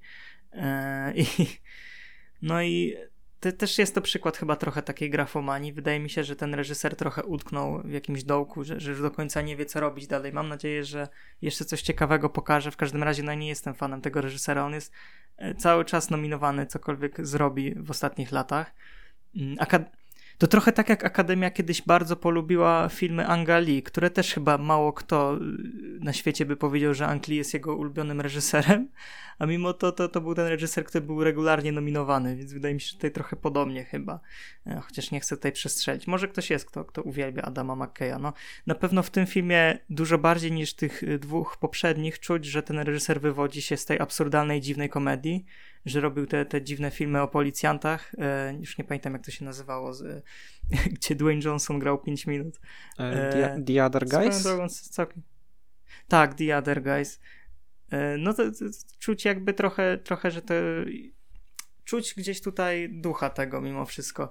No mówię, niektóre gagi mnie w tym filmie bawiły, niektóre nie, e, ale właśnie zacząłem od tej strony, gdzie ten film stara się być e, epicki, wielki, a chyba najciekawszy jest scenariuszu, kiedy skupia się na stronie kameralnej. Myślę, że wszyscy będziemy pamiętać, e, nawet jeśli nie lubimy tego filmu, to niektórzy być może z lekką sympatią będą wspominać tę finalną scenę przy stole, gdzie ta przebrana rodzina spotyka się przy stole e, i zaczyna po prostu rozmawiać i, i się cieszą życiem przed katastrofą. No to gdyby wcześniej były lepiej napisane sceny, to wydaje mi się, że to by wybrzmiało jeszcze lepiej.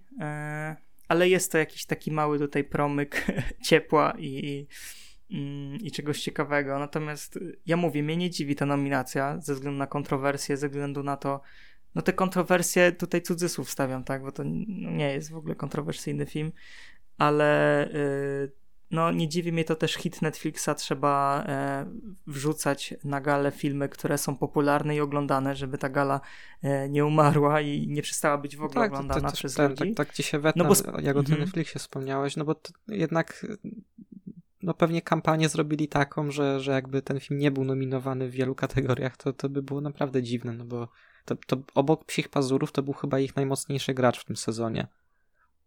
Gdzie, gdzie Psie Pazury były też doceniane krytycznie, a, a, a Nieba Góra było filmem popularnym, więc no, wyłożyli pieniądze pewnie na kampanię i po prostu był oglądany przez bardzo dużo, dużą liczbę członków Akademii. Chyba myślę, że z tego co powiedzieliśmy wyłania się jakiś obraz tej kategorii, czyli e, no w przypadku Mateusza są tutaj dwa zachwyty, e, co jak najbardziej cieszymy się, że jest e, jednak lekka różnica w naszych zdaniach. W przypadku moim i Adama akurat chyba jeden zachwyt w postaci najgorszego człowieka na świecie, natomiast no, no, widać, że chyba jest to dość słabsza kategoria w, ty, w, tym roku i niekoniecznie jest się czym tutaj szczycić, zwłaszcza jeśli chodzi o te filmy tak, amerykańskie. poziom w tej, tej bliźniaczej jest uważam w tym roku lepszy. Mhm, tak, zgad zgadzam się. Tak, więc myślę, że y, na temat tej kategorii chyba na razie wyczerpaliśmy, chyba że będziecie chcieli wrócić.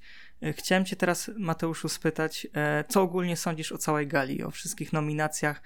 To jest twoje 5 minut, możesz się wygadać, co ci leży na sercu, co pięknego się wydarzyło, co okropnego, a czego brakuje. No to tak, to w sumie Oscary tak naprawdę jak, jak, co roku aż tak bardzo nie zaskoczyły. Może w niektórych kategoriach, szczególnie w aktorce pierwszoplanowej mocno zaskoczyli, ale jeśli chodzi o główną kategorię, no to raczej te filmy, które miały się znaleźć, to się znalazły, czyli e, Belfast, Koda, Duna, Y, Psie Pazury, no to, to są filmy, które, o których się dyskutowało od miesięcy i od miesięcy się mówiło, że, że na pewno będą miały te nominacje. Za duży plus y, Akademii y, daje y, za nominacje w najważniejszych kategoriach Drive My Car. Dla mnie ten film jest totalnym objawieniem sezonu. Dla mnie to jest w ogóle film roku. Y, od premiery w Cannes, no to ten film cały czas dojrzewa w mojej głowie, cały czas jest gdzieś we mnie w środku. I no, totalnie mnie ten film poruszył, totalnie zmiażdżył emocjonalnie, zachwycił. Y, I pod względem realizacyjnym, pod względem aktorskim, pod względem scenariuszowym, praktycznie pod każdym względem ten, ten film dla mnie był po prostu idealny. Dla mnie to jest totalne arcydzieło i, i zdecydowanie najlepszy film tego sezonu. Mm, na duży minus jednak bym zaliczył nominację dla Załuku Koszmarów y, Guillermo del Toro dla mnie ten film jest dosyć płytki, y, jest taką totalnie hollywoodzką wydmuszką, że jest piękna, piękna scenografia, piękne zdjęcia, pięknie to wszystko wygląda w kadrze, ale tak naprawdę to jest film o niczym i jest płytki w swoich y, przemyśleniach, y, absurdalna klamra na końcu jest po prostu... Czułem się trochę tak, tak jak wspomnieliście o Nie patrz w górę w scenie po napisach, że trochę czułem się tak, jakby Del Toro powiedział mi, okej, okay, ty, nie ogarniesz tego filmu i ci muszę podać coś na tacy, żeby, żebyś po prostu to jak, jakkolwiek zrozumiał. No, dla, dla mnie ten film był totalnie nieporozumieniem, że się tutaj znalazł. No, a reszta, no to Psie Pazury, West Side Story, no to, to, to są filmy, które, o których się dyskutowało, dyskutowano. Yy, dla mnie, ja jestem wielkim zwolennikiem West Side Story. Uważam, że Spielberg dużo tam serducha w, w, to włożył, rzeczywiście dopiął każdy szczegół, zadbał o, o każdy element. Y, ro, rozumiem y, zarzuty względem tego filmu, że jest odtwórczy, że jest praktycznie powieleniem tego samego, ale tyle ile było w tym miłości, czułości, no to, to po prostu rozżarzyło moje kinofilskie serce i, i bardzo się cieszę, że Steven Spielberg po, już bodaj szóstą dekadę o, o, o ile się nie mylę, albo piątą, jest w tej y, światowej czołówce, jest doceniany nominacjami za reżyserię, za film, także no ja, ja jestem z tego powodu bardzo zadowolony, bo też nie ukrywam, że Steven Spielberg był jest dla mnie bardzo ważnym reżyserem. Od jego filmów zaczęła się trochę moja przygoda z kinem. Yy, także to, to, że jest tutaj w, ty, w tym gronie Y, pięciu najlepszych reżyserów roku jest Steven Spielberg, to, to jest dla mnie naprawdę duży, duży plus i duża radość. A że wygra, wygrają się pazury, no to, to już wiemy dzisiaj na pewno, także tutaj nie, nie będzie ża żadnej niespodzianki, jak Jane Campion wygra reżyserię, wygra scenariusz, wygra film. Być może y, Benedict Cumberbatch wygra też aktora, zobaczymy jak to się potoczy, bo y, tutaj jest dosyć zacięta walka z Willem Smithem, Ale no, zobaczymy na ile Akademia pokocha Psie. Jeśli stwierdzą, że, że dajemy y, Psim Pazurom wszystko, no to Benedict Cumberbatch powinien tego Oscara wygrać. Tak, a słuchaj, a chciałem ci jeszcze zadać pytanie o Dune. E, tutaj jako ten film wysokobudżetowy, który zdobył bardzo dużo nominacji. Co sądzisz o, o Dune i o tym, co jej się udało tutaj zgarnąć z nominacji? Yy, na pewno boli mnie fakt, że yy, Duna nie dostała nominacji za reżyserię, bo jednak ktoś musiał poprowadzić tę tą całą ekipę.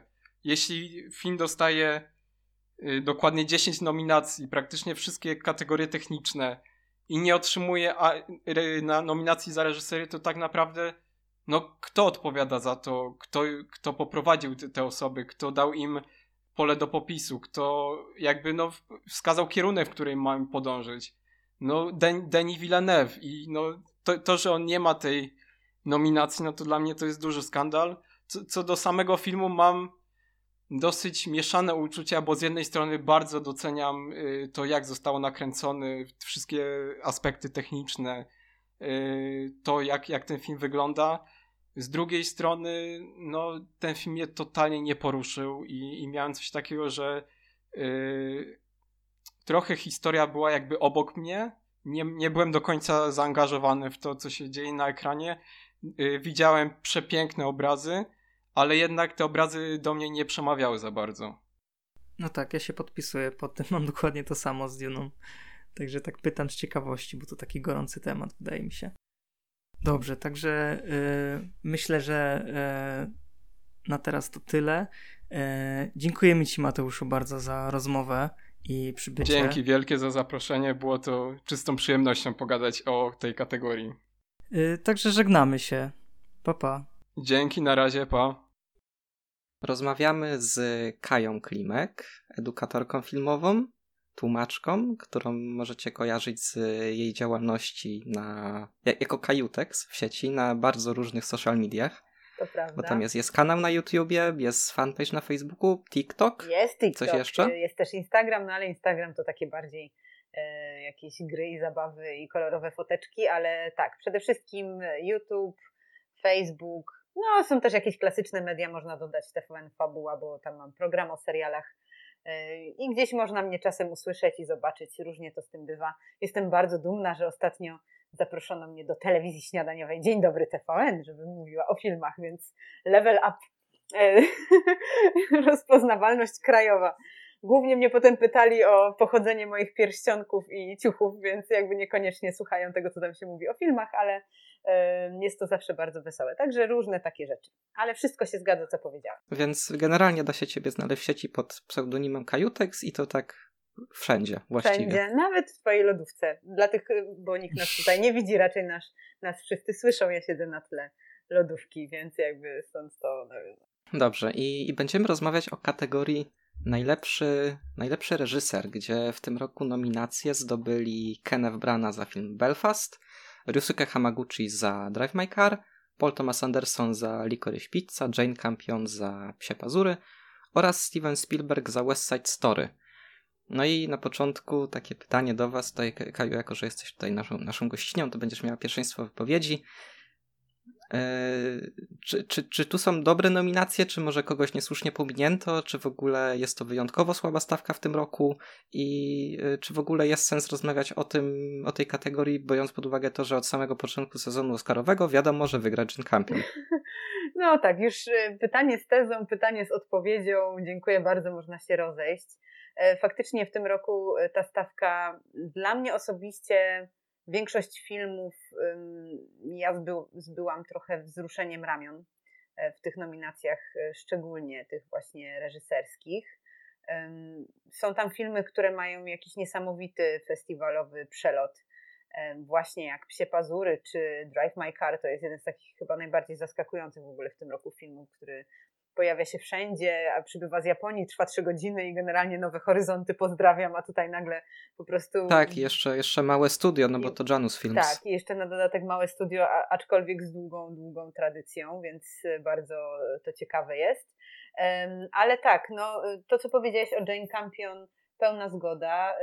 Dla mnie w tej kategorii takim najmocniejszym od razu powiem filmem, który najbardziej jakoś mnie poruszył e, i najbardziej do mnie przemawia z tych wszystkich filmów, które tutaj widzimy i któremu kibicuję, e, aczkolwiek nie ma jakiegoś takiego kolosalnego przelotu festiwalowego i w ogóle nagrodowego, jest Licorice Pizza. No to zdecydowanie Paul Thomas Anderson jest tutaj mistrzem reżyserii dla mnie. Film po prostu, który jest bieganiem, bieganie, które jest filmem, to, to jest coś, co tutaj e, w tym filmie widzimy. E, dla mnie takim pominiętym, ale ja jestem w tym klubiku Wystarczy wejść na film web i poczytać komentarze pod moją oceną tego filmu, to już będziemy w domu. Generalnie e, użytkownicy filmu webu się ze mną nie zgadzają, jak daję niskie oceny, a tym bardziej się nie zgadzają, jak dają wysokie oceny, więc jest bardzo zabawnie. Ale tak, ja jestem też wielką fanką e, filmu Don't Look Up e, Adama McKeya i mnie się ta reżyseria, ten jego pomysł na, na to, jak można opowiadać historię, E, bardzo w przypadku tego filmu podobał, więc dla mnie to jest taki tutaj trochę nieobecny. Może też ze względu na to, że nominowani są e, tacy nestorzy już właściwie Oscarowi i też hollywoodzcy jak Steven Spielberg. No, to, to jakby nie dla wszystkich jest miejsce na tych e, nominacyjnych fotelikach, więc mam takie mieszane uczucia, ale w ogóle mam mieszane uczucia co do Oscarów ostatnich latach jako po prostu konceptu. No ale to jest dłuższy temat, myślę, że będziemy też o tym później rozmawiać. Także dla mnie Jane Campion i Psie Pazury, no to pewnie jest ten film, który wygra, aczkolwiek ja nie rozumiem fenomenu e, i tu znowu jestem w jakiejś zasadniczej chyba mniejszości, aczkolwiek może nie jest to aż taka wielka mniejszość. No i tak to z mojej perspektywy wygląda, więc zaskoczeniem na pewno jest Hamaguchi, ale zaskoczeniem też jest dla mnie ta nieobecność McKeya właśnie z tym filmem, ale to bardziej, ja zawsze gdy mówię o Oscarach, to mam takie dwa porządki, porządek serca i porządek rozumu. I ten mój porządek serca jest radykalnie odmienny od tego porządku rozumu, który e, kiedy się nim kieruję, to jestem w stanie obstawić kategorię, także potem wygrywają te filmy, bo to wystarczy znać pewien, może nie tyle algorytm Akademii Filmowej, co po prostu sposób mm, decydowania, jakie filmy w danym momencie zdobywają nominacje i później jakie zdobywają nagrody. No to, to są wybory pod wieloma względami koniunkturalne i polityczne. I jak się zna system Oscarowy trochę lepiej i dłużej się temu człowiek przygląda, to, to można sobie to rozkminić. Więc w porządku serca McKay, ale w porządku rozumu on oczywiście nie mógł się tam znaleźć, więc to są takie moje y, dwa światy, które się nieustannie w Oscarach zderzają. No ten, te, te, tak właściwie poza tym Hamaguchim to to są wszystko osoby, które już nominacje reżyserskie miały. Jane Campion co prawda prawie 30 lat temu, ale jednak ale miała. Ale genialny film, bo to przecież fortepian, prawda? No jakby Anderson jest nominowany ciągle. I dobrze, od, bo to świetny lat. reżyser. Znaczy nie, jakby słusznie. Co prawda uważam, że y, niesłusznie został pominięty za wadę ukrytą, mhm, tak, tak, y, która, która, jest piekielnie nie, która jest piekielnie niedocenianym filmem ale jednak Anderson jest takim twórcą, który można się spodziewać, że jak już film zrobi, to jednak jakieś tam uznanie będzie mieć. Nie rozumiem kompletnie nominacji dla Branaga i Spielberga, ale o tym pewnie za chwilę powiemy. Yy, no i jakby takim dużym też zaskoczeniem było na pewno to, że nominacji nie dostał Villeneuve. Tak, to jeśli chodzi o reżyserów, to jest y, największe pominięcie zdecydowanie. Ja znowu jestem jakoś e, z Duną, może nie tyle na bakier, co e, doceniam ten, ten pomysł na adaptację, e, ale to, to jest dla mnie dosyć zimne kino. A chyba spodziewałam się trochę czego innego. Ono jest bardzo imponujące, bardzo epickie. Sobie nawet wymyślałam specjalną nazwę na ten rodzaj kina, czyli slowbuster, czyli bardzo powoli, ale jednak blockbuster. E, mam nadzieję, że to się przyjmie, rozdaje, jakby można korzystać. Copyrighty e, są na otwartej licencji do, do tej nazwy. Mm, zdecydowanie jakby pomysł na, na to, żeby połączyć kino artystyczne i kino hollywoodzkie w takim wydaniu, to, to jest coś, na co Wilnew pra, pracował przez wiele lat, no bo już jego pierwszy taki krok w stronę kina science fiction, czyli Arrival to było coś, co chociaż wcześniej się też pojawiały różne wątki, tam już nawet w Maelstromie były jakieś dziwactwa i, i odpały, ale jednak tak, to, to, to coś zwiastowało i miało się poczucie, że to jest reżyser, który idzie na coś dużego, prawda? No tak, był, był ten Blade Runner no, też, oczywiście. który uważam w ogóle za, za film wybitny. No tak, no tak. i właśnie Blade Runner jest wybitny, ale Duna wybitna dla mnie osobiście nie jest. Nie wiem z czego to do końca wynika, bo gdzieś prześlizgnęłam się po niej i czekam na tą drugą część, bo wierzę, że ona mi odkryje kolejne etapy, bo na razie to miałam takie poczucie, że owszem, mimo tych takich kolosalnych scen akcji i tej, tej, tego ataku na Arakis i tych e, niesamowitych wnętrz i budowli i tej muzyki, w której Timmer naprawdę dał siebie wszystko w tym odcinku, to miałam poczucie, że jesteśmy trochę jak w pierwszej części Hobbita, nie? że mamy trochę e, bardzo mało masła, dużo kromek. Musimy je tak. bardzo cienko rozsmarować, więc oszczędzamy Oj, fabułę, tak. żeby za dużo wam nie powiedzieć. I to troszeczkę mi się tak rozciągnęło. Ale jeśli chodzi o reżyserię aktorów, koncept na sceny, e, to, to jednak jest to najwyższa półka. No ale jednak, jak się okazało, nie dla, nie dla Akademii. Może oni czekają na, na to, co będzie dalej i tak jak w przypadku innych trylogii będą po prostu bardziej za całokształt. No, mo może, tak, może tak być, jak, jak z Jacksonem i Władcą Pierścieni. Ja mam wrażenie, że Dune dużą krzywdę zrobiło to, jak ten film był reklamowany i przez to, że w, w tej kampanii kompletnie pominięto to, że to jest tak. Dune Part 1, tak. Po czym pierwsza rzecz, jaką widzimy no na ekranie w, w, fotelu kinowym, to jest Dune Part 1. Tak, tak. I jeszcze na dodatek, jeśli człowiek y, przez chwilę jakoś, nie wiem, odwrócił wzrok, przyznam szczerze, że to było moje doświadczenie trochę, że ja tak siedzę w tym kinie, oglądam, oglądam, oglądam i sobie myślę, ej, Kaja, to już trwa dwie godziny a my nadal jesteśmy w tym samym miejscu. Przepraszam bardzo, ale y, nie czytałam całej Duny, w sensie tych wszystkich części, ale pierwszą książkę czytałam, pamiętam na czym to się mniej więcej kończy, a tutaj no i właśnie to było trochę dla mnie zaskakujące, że, że kończy się ten film w tym momencie, kiedy właściwie mógłby się dopiero zacząć rozkręcać. Um, I no, gdzieś to, to było też dla mnie duże zaskoczenie. No ale jednak Villeneuve jest to the director, nie? Jakby tutaj brakuje go zdecydowanie. I jeszcze ten, zanim ci, zanim ci Maćku głos oddam, to ja bym jeszcze chciał tutaj wspomnieć, że zdecydowanie jedną z najlepszych reżyserii zeszłego roku uważam wykonał Karax e, przy Anet. O, tak, nagroda zresztą w Cannes, wspaniały. Tak, tak. Oraz y, Joel Cohen przy okazji tragedii Macbetha. O, to, to jest niestety film, którego to jeszcze nie widziałam, chociaż on dostępny jest chyba na Apple TV, prawda? Tak, jest, jest na Apple TV. Na, tak. Nabronić, e, nadrobić. E, ale tak, e, szczególnie, że Oscary przez ostatnie lata zwracają jednak w tej nominacji dla najlepszego reżysera uwagę, czego mamy też dowód w tym roku, e, na reżyserów, którzy niekoniecznie są hollywoodzcy, prawda? No kiedyś było tak, że jednak bardziej się skupiali na swoim podwórku, rzadko tak, się pojawiał co, ktoś... chwil, co chwilę ten, ten Ron Howard Tak, i, że właśnie i nasi, nasi koledzy, jeszcze przez długi czas nasi koledzy, całe szczęście również ostatnie lata to jednak koleżanki, e, aczkolwiek no, już bez przesady też w tym temacie, mówi nam Akademia Oscarowa.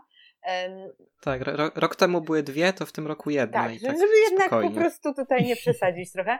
No ale wiesz, jakby, znaczy wiecie, e, Karax i nominacja do Oscara to brzmi trochę dziwacznie. To brzmi źle. To nie jest ten typ twórcy. To ja rzucam, wiesz, to nominacja dla Julie Ducournau, proszę bardzo, ja też jej daję nominację moją własną Oscarową, ale to byśmy chyba musieli takie alternatywne Oscary sobie zorganizować, żeby docenić tych naszych wszystkich po prostu e, wspaniałych reżyserów, e, którzy niekoniecznie się tutaj załapali na tą stawkę. Ale tak, Karax i, e, i Annette jeden z moich ulubionych zdecydowanie filmów zeszłego roku. Też mocne przeżycie, bo to był, e, że tak wtrącę, co prawda to nie Oscary, ale jak gadamy o kinie, to jednak pamiętam jak był ten pokaz dokładnie w tym samym czasie, kiedy film był pokazywany na festiwalu w Cannes. Był pokazywany w kinie Muranów i to było takie pierwsze Muranów e, bez obostrzeń i bez e, tej konieczności siedzenia tam co piąte krzesło, tylko pełne kino ludzi i wszyscy oglądają ten film.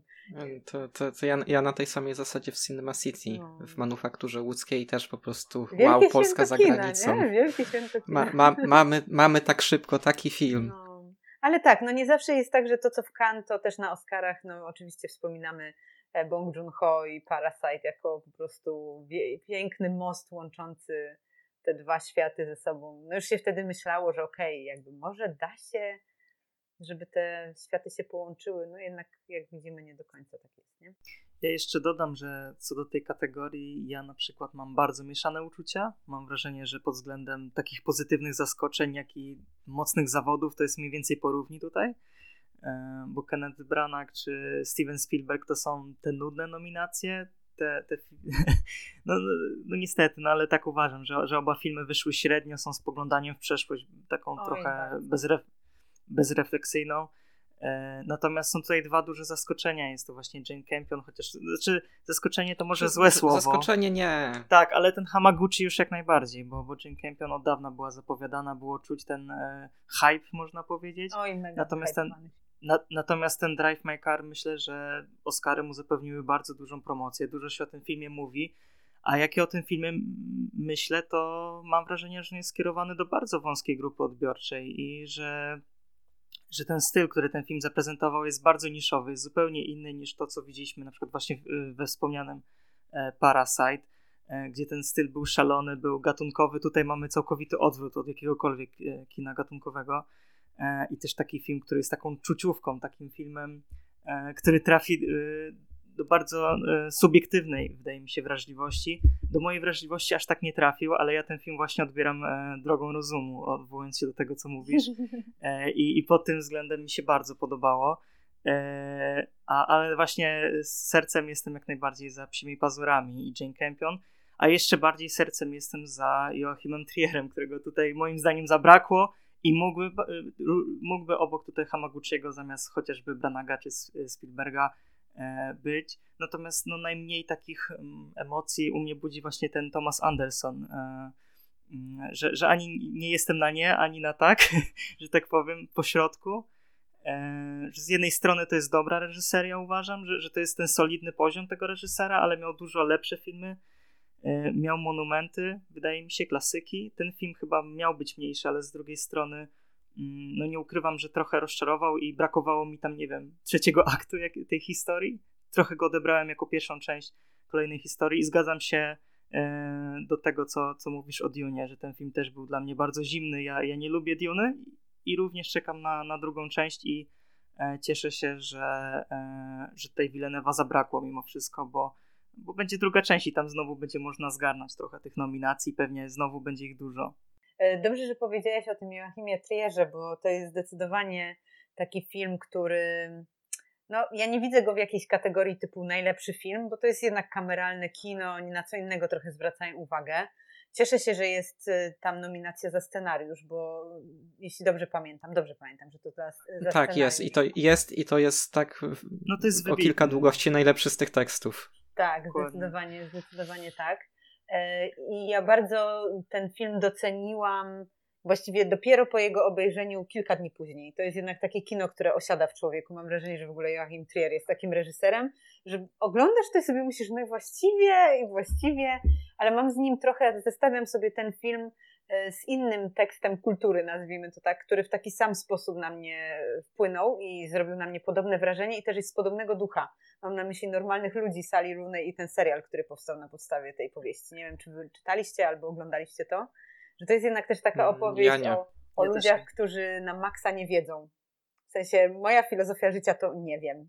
I zresztą no, Julie, Julia, Julia, bohaterka tego filmu Najgorszy Człowiek na świecie też jest taką osobą i właściwie spędzanie z nią czasu podczas trwania tego filmu jest dosyć mocno irytujące, bo jakby chciałoby się, żeby ona jakby podjęła może pewne decyzje, ciężko czasami ją zrozumieć i tak dalej, ale ostatecznie ten film też chyba przez ten, przez ten finał i to nie będę spoilować, ale przez ostatnie spotkanie z Axelem e, nabiera jakby takiego jakiegoś totalnego wyrazu dla mnie i, i po jakimś czasie mm, bardzo, bardzo mocny czuję z nim związek emocjonalny. Także może to być tak, że to będzie jeden z tych filmów, który gdzieś przewinął się przez festiwale, gdzieś był w tym wyścigu Oscarowym, a zostanie z nami dłużej niż nie jedna z tych kluczowych nominacji, bo pewnie też jak obserwujecie Oscary, to widzicie, jak dużo tam jest filmów, o których pół roku później, rok później, nikt już nie pamięta. No, kto pamięta te wszystkie nominacje z zeszłego roku? No, ja musiałam sobie to odświeżać, żeby,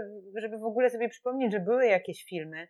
I ubolewam, bo takie filmy jak na przykład Judas and the Black Messiah, no to to jest dobre kino. To nie jest zły film, ale kto, kto o tym filmie dzisiaj pamięta? Jakby trochę się to, trochę się to robi to Oscarowe kino takim kinem kontentu, jak Netflix. I tym bardziej to, co ty mówiłeś o karierze Psich Pazurów. Jest to jednak film, który znamy też z tego serwisu streamingowego. Oczywiście jest to jedna z tych wycieczek e, wielkich reżyserów i współpracy z platformą i tak dalej, i tak dalej. No ale to, że ten film tak świetnie sobie radzi, to też jest efekt nakładów finansowych na jego promocję. Mówmy się, no przecież jesteśmy tutaj wszyscy dorośli i używamy rozumu, więc trochę wiemy, jak to działa, nie?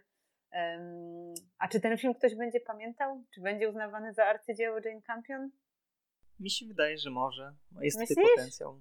Jest tak, potencjał? no, no Tak. a mi się ten film trochę kojarzy z Aż poleje się krew e, Andersona, który zresztą tutaj jest obecny. Okej. Ale tak naprawdę ja, ja nigdy nie jestem w stanie określić, tak to, to czas musi e, zdefiniować po prostu. Musi minąć trochę czasu i wtedy, wtedy zobaczymy, czy to faktycznie był fenomen i, i film, który nam coś powiedział o współczesności.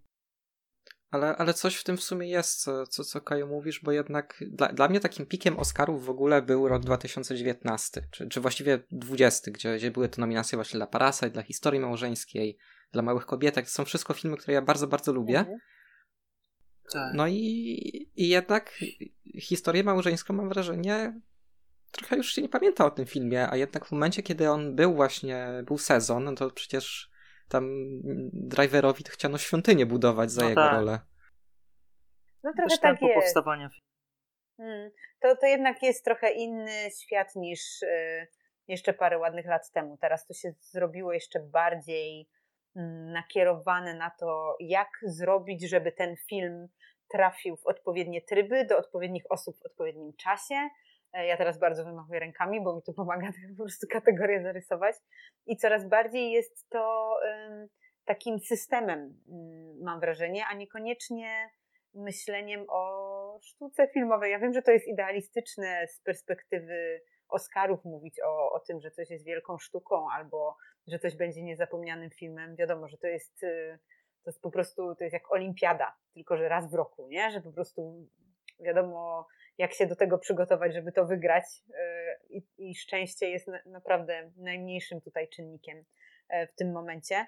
Ym, Więc taka de, demitologizacja całego tego świata, jak już nastąpi, a u mnie nastąpiła parę ładnych lat temu, kiedy udało mi się bezsprzecznie i bez pomyłki obstawić, że kształt wody zostanie.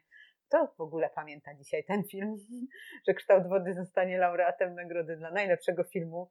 A obstawiłam to nie dlatego, że ten film uważałam za jakoś dla mnie interesujący, tylko po prostu spełniał wszystkie Oscarowe kategorie jednocześnie, e, pożądane w danym momencie historycznym, a niekoniecznie był jakimś wielkim dziełem sztuki filmowej, no to od tamtej pory już naprawdę trudno mi się jest też tak tym wszystkim ekscytować. Wiecie o co chodzi, nie? Że już, już, to, nie jest, już to nie jest e, czekanie z zapartym tchem, e, czy Leonardo DiCaprio przez przypadek dostanie Oscara za Wilka z Wall Street, bo ja naprawdę wtedy wierzyłam, że jest szansa, no nie? I, I było to dla mnie duże rozczarowanie, że to się nie wydarzyło. Jeszcze wtedy byłam dosyć naiwna, nie? Ale teraz już tak na to nie patrzę. No ja, ja wtedy uważam, że akurat McConaughey bardziej zasłużył za swoją rolę w Dallas Buyers Club, ale już jakby przechodzimy do reżyserów, bo tutaj ba- bardzo, Tak, tak, bardzo tak. długa rozmowa wyszła na ten temat, na który miało być w sumie poświęcone najmniej czasu. Okej. Yy, dobra, no Ke- Kenneth Brana. No słabe. No. No, No tak. Next. Nie no, dobrze. Po, po pierwsze, może opowiem o swoim doświadczeniu oglądania tego filmu. Wchodzimy z przyjaciółką do kina, siadamy na fotelach, zaczyna się film i jest kolorowy, a my sobie myślimy, to chyba jednak nie ta sala i chcemy wychodzić. Co ciekawe, nie byłyśmy jedynymi osobami, bo jeszcze z paroma osobami rozmawiamy i dokładnie to samo doświadczenie, więc taki żarcik na, na sam początek. No, no, Kenneth, niezłe poczucie humoru, co zresztą zostaje z nami przez resztę tego filmu, gdyż kółko nieśmiesznego żartu trwa i trwa i trwa e, i to, że oglądamy ten film z perspektywy dziecka niekoniecznie jest dla mnie usprawiedliwieniem wszystkiego, co widzimy na ekranie.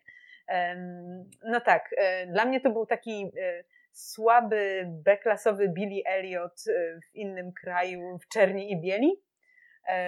Więc Dokładnie. jakby moje pierwsze skojarzenie to było oczywiście, no tamten film akurat niedawno oglądałam i on dalej ma tą energię i dalej ma jakąś niesamowitą radość życia w trudnych okolicznościach dorastania tego chłopca. Zresztą wspaniale zagranego przez Jamie'ego Bella.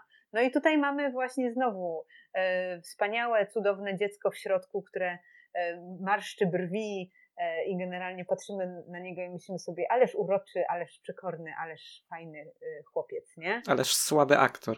No, aktorzy dziecięcy to jest w ogóle osobny temat. E, No i do tego właśnie to, że to jest e, kręcone niby tak, nazwijmy to wystrzałowo. Tam się bardzo dużo dzieje, jeśli chodzi o pracę kamery. Bardzo dużo jest e, efektownych, efekciarskich też zagrań, jeśli chodzi o to, jak można, z jakiej perspektywy jeszcze można tutaj coś pokazać.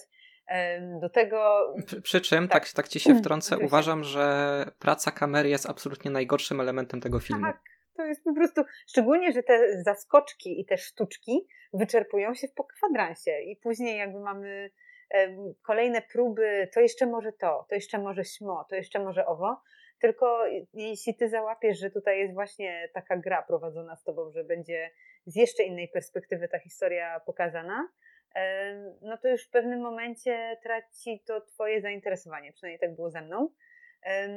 No i tak, no i właśnie połączenie tych dwóch światów, czyli tego, że mamy z jednej strony lekką, zabawną, rodzinną historię, a z drugiej strony ten dojmujący się ciężar życia w Belfaście w owym momencie historycznym e, i że ten konflikt jest e, spłaszczony właściwie do, do tej, tego, tego konfliktu między ojcem a sąsiadem, to trochę dla mnie było za mało, za bardzo to było powierzchowne I no jakoś nie odczułam ciężaru tej historii, a przecież wystarczy poczytać nawet na Wikipedii, co się wtedy działo. To jednak to jest hardcore.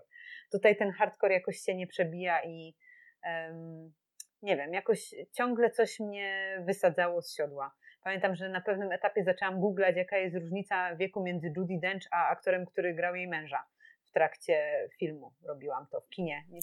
Wiecie ile? On jest 18, 20? no 18 lat jest od niej, od niej młodszy. I dla mnie na przykład w takich momentach siada ta wiarygodność, prawda? Ja rozumiem, jeśli ona by mogła być prababcią. Mogłaby być, jednak to by... Ja wiem, że to, to jest czepialstwo może, co ja teraz robię, ale akurat to mnie strasznie y, deprymowało w trakcie oglądania tego filmu. Dużo było takich właśnie momentów, że miałam takie poczucie, ten świat jest niesamowicie sztuczny, a chce mi powiedzieć, że jest y, autentyczny, a jednocześnie jest wspomnieniem i do tego jeszcze właśnie z tej perspektywy e, pamiętania własnego dzieciństwa. Nie wiem, jakoś za dużo tego wszystkiego i fatalna muzyka, za dużo tego Vana Morrisona po prostu i to mnie i też tak niedopasowana momentami, że lekka i przyjemna w trudnych momentach i odwrotnie. E, nie. Ja, ja uważam, że ten film ma całe dwie dobre sceny. Które? Pierwsza to jest, y, pierwsza to jest ta scena tańca dziadków, gdzie ten Mhm. mały chłopiec pyta dziadka, jak poderwać koleżankę z klasy Tak. i ten dziadek zaczyna śpiewać piosenkę i zaczyna tańczyć z babcią. I ja mam jednak, y, mam wrażenie, słabość po pierwsze do filmów o starych ludziach, bo Mhm. z, zwykle daję im bardzo wysokie oceny. Jakby Amur to jest arcydzieło, ojciec jest wybitny, pe- pewnie coś by się tam jeszcze znalazło. A druga scena to jest, mam wrażenie, jedyny raz, kiedy w tym filmie wyszło to, co Branagh chciał zrobić. To jest ta końcowa scena potańcówki, Mhm. gdzie Jamie Dornan śpiewa Everlasting O, Love, tak. czy raczej, czy raczej nie śpiewa, tylko bardzo wyraźnie słychać, że ta piosenka nie jest śpiewana przez niego, tylko on tak troszkę jest mini tak jak on rusza ustami. trochę.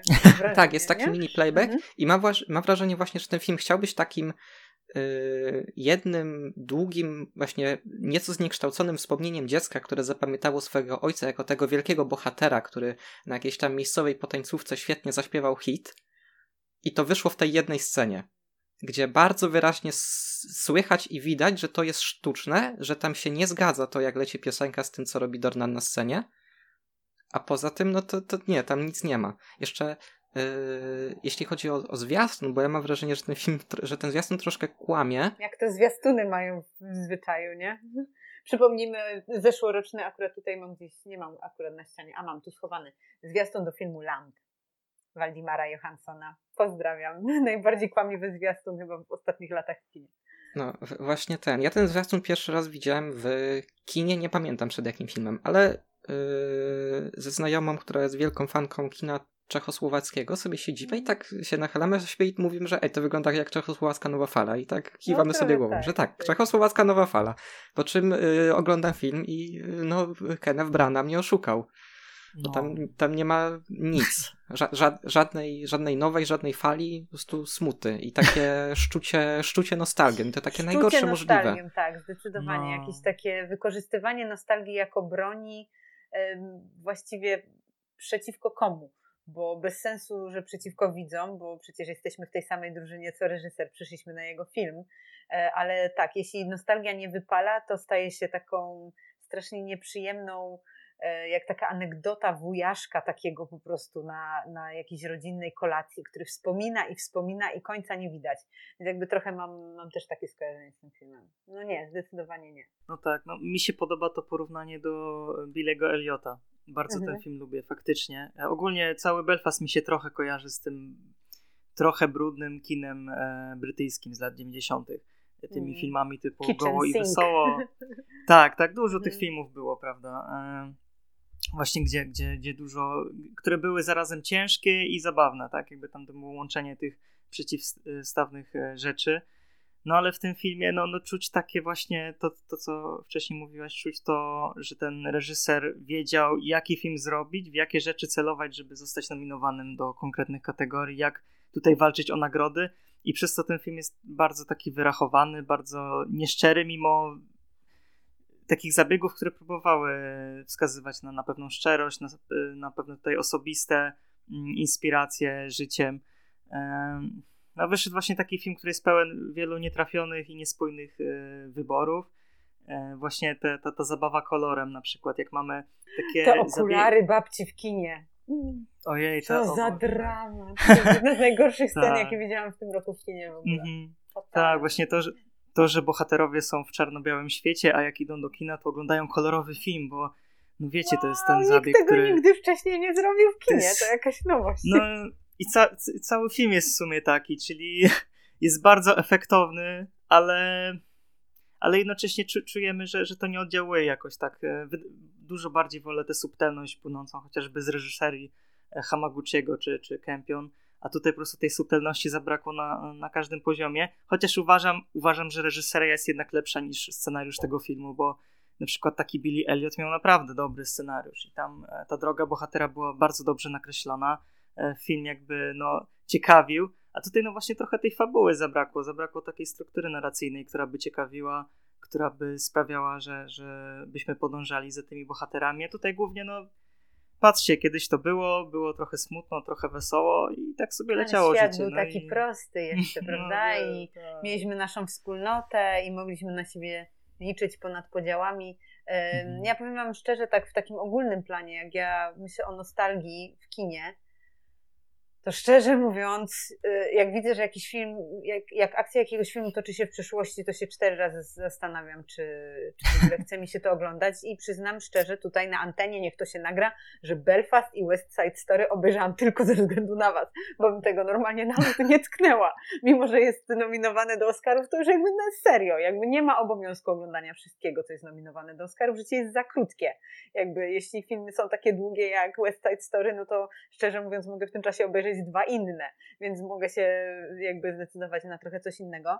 Mm, no i tak, i właśnie te, że tak trochę płynnie przychodzę, jeśli pozwolicie, do tego West Side Story, bo to jest podobna kategoria. Tak, myśl, myśl, myślę, że możemy i mm. potem wrócimy do tych trochę. No, nawet, reżyser. Wiem, wiem, mhm. jakby wiem, że tobie się Drive My Car nie podobała, ale ja uważam, że to jest ta lepsza akurat robota, nie, no, więc możemy do... Jeśli mam zestawić ze sobą Belfast, West Side Story i Drive My Car, chociaż żaden z tych filmów nie podbił mojego serca, to Drive My Car zostaje, a reszta idzie do domu. Jakby to jest dla mnie jasne, bo um, jestem fanką remake'ów. Nigdy nie miałam problemu z tym, bo nawet jak jest słaby remake, to odeślę do tego lepszego oryginału. Wszyscy coś na tym możemy zyskać. Jasne, że jestem za tym, żeby próbować na nowo opowiadać historię we współczesności, zmieniać konteksty, e, zamieniać bohaterów, gdy mowa o ich etniczności, rasie, genderze. Rób ta, co chce ta. Jeśli historia jest mocna, to wytrzyma. Jakby, jeśli, jeśli ma takie możliwości reżyser, żeby to opowiedzieć ciekawie, ekstra. Jak się policzy ile jest Macbethów albo y, Hamletów, no to jakoś y, i w jakich okolicznościach powstawały, no to jest od sasa do lasa. Nie ma z tym problemu. Tak, no czy, czy nawet ile jest Romeo i Julii, gdzie właśnie, no właśnie. No, West Side Story jest Romeo i Julią. No tylko, no tak, oczywiście West Side Story to jest oparte na tym klasycznym silniku e, i Spielberg opiera to oczywiście na tym klasycznym silniku ponownie i stara się w jakiś sposób opowiedzieć swoją własną wersję tego filmu z 61 roku. Tylko ja nie czuję takiej takiego jakiegoś uzasadnienia, że w tym filmie jakoś mocniej poza językiem wybrzmiewają rzeczy, które sprawiają, żeby ta historia miała jakieś odniesienie do współczesności, albo żeby miała jakiś ciężar większy gatunkowy niż to, że okay, robimy remake West Side Story i reżyseruje go Steven Spielberg because he wants to, nie? Bo to jest trochę na zasadzie taki passion project e, i jego takie właśnie, że on może, on by sobie wybrał, że chce zrobić remake czegokolwiek i mógłby to zrobić, bo jest Stevenem Spielbergiem, nie? Więc jakby ja nie czuję tutaj w samym tym filmie jakiegoś takiego dogłębnego uzasadnienia dla tej potrzeby. E, to, co mnie na pewno e, przyciągnęło i na co zwróciłam uwagę, to jest kilka rzeczy. Przede wszystkim nowa Anita, bo jest świetna aktorka, która się wciela tutaj w jej rolę. To, że wraca Rita Moreno w nowej roli i jest specjalnie dla niej napisana postać i ta postać ma sens, to jest zasługa oczywiście scenarzysty tego, tego remake'u, e, że to jak zainscenizowana i zatańczona i zaśpiewana jest Ameryka, tutaj jakby to z tego filmu dla mnie zostanie. To jest naprawdę genialna, genialna sekwencja muzykalowa i taneczna pod każdym względem. Super rzecz. Ja tutaj jeszcze, jeszcze z rzeczy, które ten mhm. film uważam ratują, no to rola Mike'a Feista jako, mhm. jako Riffa. Mm.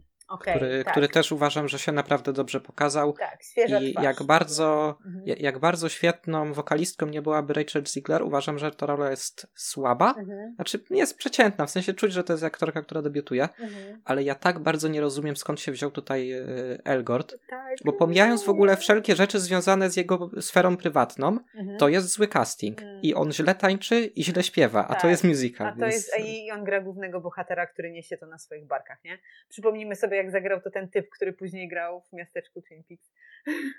Bo to jednak tam jest, to było coś niesamowitego, prawda? Jakby jego rola była niezwykła i to akurat miałam okazję obejrzeć West Side Story za dwa lata temu w kinie. W Iluzjonie to puszczali i to było ekstatyczne doświadczenie, nie? Jakby tak. ten film się w ogóle nie zestarzał i mam wrażenie, że jest bardziej aktualny niż to, co Spielberg nam chciał tutaj powiedzieć, aczkolwiek mega szanuje decyzje e, językowe czyli to, że po prostu każdy mówi w swoim języku, że to się ze sobą miesza i że my nie wszystko też musimy kumać i jakby jest to bardzo interesujące y, w tym filmie. Ale znowu ta nostalgia, nostalgia, nostalgia, nostalgia. No, gdyby to był taki remake, wiecie, ja mam jeden swój ukochany remake e, i on jest dosyć nowy i to jest Suspiria Luki Guadagnino. E, I to jest, to jest remake, który moim zdaniem ma sens, że reżyser nie um, robi na nowo tą samą historię, tylko opowiada o tym, jaki ma stosunek do tej historii. A ja poza tym, że Steven Spielberg lubi i że mu się podobają te rzeczy i nigdy nie zrobił musicalu, a zawsze chciał, to nie wiem po co mu ten film. A po co Guadagnino był ten film, to ja wiem. I wiem to z filmu i nie muszę słuchać Guadagnino, żeby mi to powiedział. Więc trochę, trochę bym się spodziewała więcej y, też po tym reżyserze, że to by miało jakiś, żeby to było wielkie boom, a nie było. No też z takich właśnie remake'ów, co prawda to jest film, który jeszcze nie wyszedł, ale od mhm. niedawna wiemy, że powstaje. Myślę, że podobnym przypadkiem do tej Suspirii może być Nosferatu Roberta Eggersa. O, no. Gdzie, gdzie tak. z jego filmów z Czarownicy i z Lighthouse po prostu zieje tym klimatem, jaki, jaki tam w Nosferatu był przez Murnała wykreowany. W przypadku tego West Side Story ja co prawda nie widziałem oryginału. Jak, jakoś tak o, tak wyszło, że, że, nie, że nie widziałem oryginalnego West Side Story. Mhm. Pewnie nadrobię kiedyś, ale y, ja, ja, mam taką dziwną sytuację, że ja widziałem te wszystkie y, Leperkauny 5 i tak dalej, te, te śmieciowe horrory po prostu najgorsze możliwe, a nie znam klasyki. Mhm. Y, o, Ojca Chrzestnego obejrzałem w zeszłym roku. Po raz pierwszy. No, to, to akurat super. Ja też nie jestem jakąś wielką fanką tego, że ma być kanon i wszyscy oglądamy to samo, tylko każdy ma swoją kolejność. Dla mnie na przykład oglądanie Obywatela Kaina po Wilku z Wall Street to było bo też tego filmu nie widziałam wcześniej, więc wiesz. Ja się etatowo zajmuję horrorem hmm. i, i, oglądam głównie te rzeczy. No to życzę mam, ci, żeby było dużo Oscarowych nominacji dla horrorów. He, he, chłe, chłe, chłe. Tak, ale, ale właśnie do tego Spielberga, mhm. ja mam wrażenie, że to też jest jednak trochę smutne, hmm. jak się na to patrzy, że jednak mamy tego mistrza kina, nie, nie będzie nadużyciem, jak, jak stwierdzę, że może i najważniejszego amerykańskiego reżysera, reżysera w historii, na pewno najbardziej wpływowego, jeśli chodzi o okres po latach 60. No, takiego prawdziwego kreatora tego, co my uważamy za kino i co jest y, tak, naszą przecież, filmową przecież, wyobraźnią, to na pewno. Przecież jakby Szczęki to jest arcydzieło, jeśli chodzi o budowanie napięcia. Ostatnia Krucjata jest najlepszym filmem przygodowym, jaki powstał i pewnie powstanie. I pięknym filmem tu... o relacji ojca i syna. Tak, oczywiście. A tutaj mamy takie, takie nie wiem nawet jak to nazwać. No, Ale on jakby... robi, też, robi też słabe filmy um, od zawsze. E, w tych ostatnich latach to um, różnie z tym bywa, nie? Bo przecież Ready Player One niby Spielberg w starym stylu, ale taki odcinający kupony sam od siebie trochę. No ja, ja, ja, tak właściwie nie wiem ten, nie wiem co tutaj y, zrobić z tym Spielbergiem, bo ja mam tutaj taką wielką dziurę, bo po, pomiędzy West Side Story a Indiana Jones Królestwo Kryształowej Czaszki nie widziałem żadnego filmu. Okay, Nic. No on robi, I, robi. I się bardzo, i, i się bardzo zastanawiam, czy jest sens y, to oglądać nawet jako taki mhm. film puszczony w tle na drugim monitorze, żeby tam coś w tle po prostu sobie plumkało. No ale to są takie filmy, które tak z tobą zostaną, jakbyś je oglądał na drugim y, monitorze w tle, żeby coś tam plumkało. Nawet jeśli będziesz się skupiał na tym, to one trochę prześlizną się po twoich oczach i niewiele tam zostanie, bo on był mistrzem właśnie w latach 80., 90. jeszcze i wtedy potrafił opowiadać takie rzeczy, że włos się jeży na głowie, y, a było to kino totalnie popularne, totalnie mainstreamowe i takie też familijne, jakby na to nie patrzeć. I, mm, i tak, no E.T. W tym kontekście jest geniuszem. Dla mnie takim jego wielkim niespełnionym filmem i niedocenionym jest AI, czyli to, co miał robić Kubrick, a zrobił ostatecznie Spielberg. Pewnie wyznacie, ale może ktoś, kto nas słucha, jeszcze nie widział tego eseju Kevina Billy e, Spielberg Face, właśnie o tym, jak działa kino Spielberga na nas jako widzów za, za pomocą twarzy bohaterów i tego ich spojrzenia, takiego pełnego zachwytu albo przerażenia. I to jest coś, co po prostu za, to, za tą samą rzecz Spielberg już by mógł, mógł dostać z tego Oscara za całokształt twórczości i już nie robić nic więcej, nie? Mm, jasne, że on próbuje i cały czas szuka jakichś nowych historii do opowiedzenia, ale one wszystkie są jakoś już nie na miarę tego, co, co miał kiedyś do powiedzenia, nie? Jakby już trochę no tak, jest starym i, i jeszcze jego kolejnym filmem będzie Belfast. No. Bo, bo, bo, też ma robić film o swoim dzieciństwie. O nie, no to już, to już jest ten moment, kiedy chce się powiedzieć zaprzestań. E, jeśli nie Dość. masz nic do powiedzenia o świecie wokół nas, to nie mów nic, bo o tamtych Ale widzę jedną, widzę jedną dużą zaletę tego projektu, że ma tam zagrać David Lynch. No, no tak. I, I, to jest jedyny, i to jest jedyny powód, dla którego ten film prawdopodobnie obejrzę. Nie mam pojęcia, ale ja chcę zobaczyć Davida Lyncha na, na ekranie, bo uwielbiam go jako, no tak. jako człowieka. Nawet jak gada z małpką, więc... nie? To, to nawet no, wystarczy. Tak. Al, albo, zapowie, albo mówię, jaka jest pogoda dzisiaj, codziennie. Od półtora roku. Tak.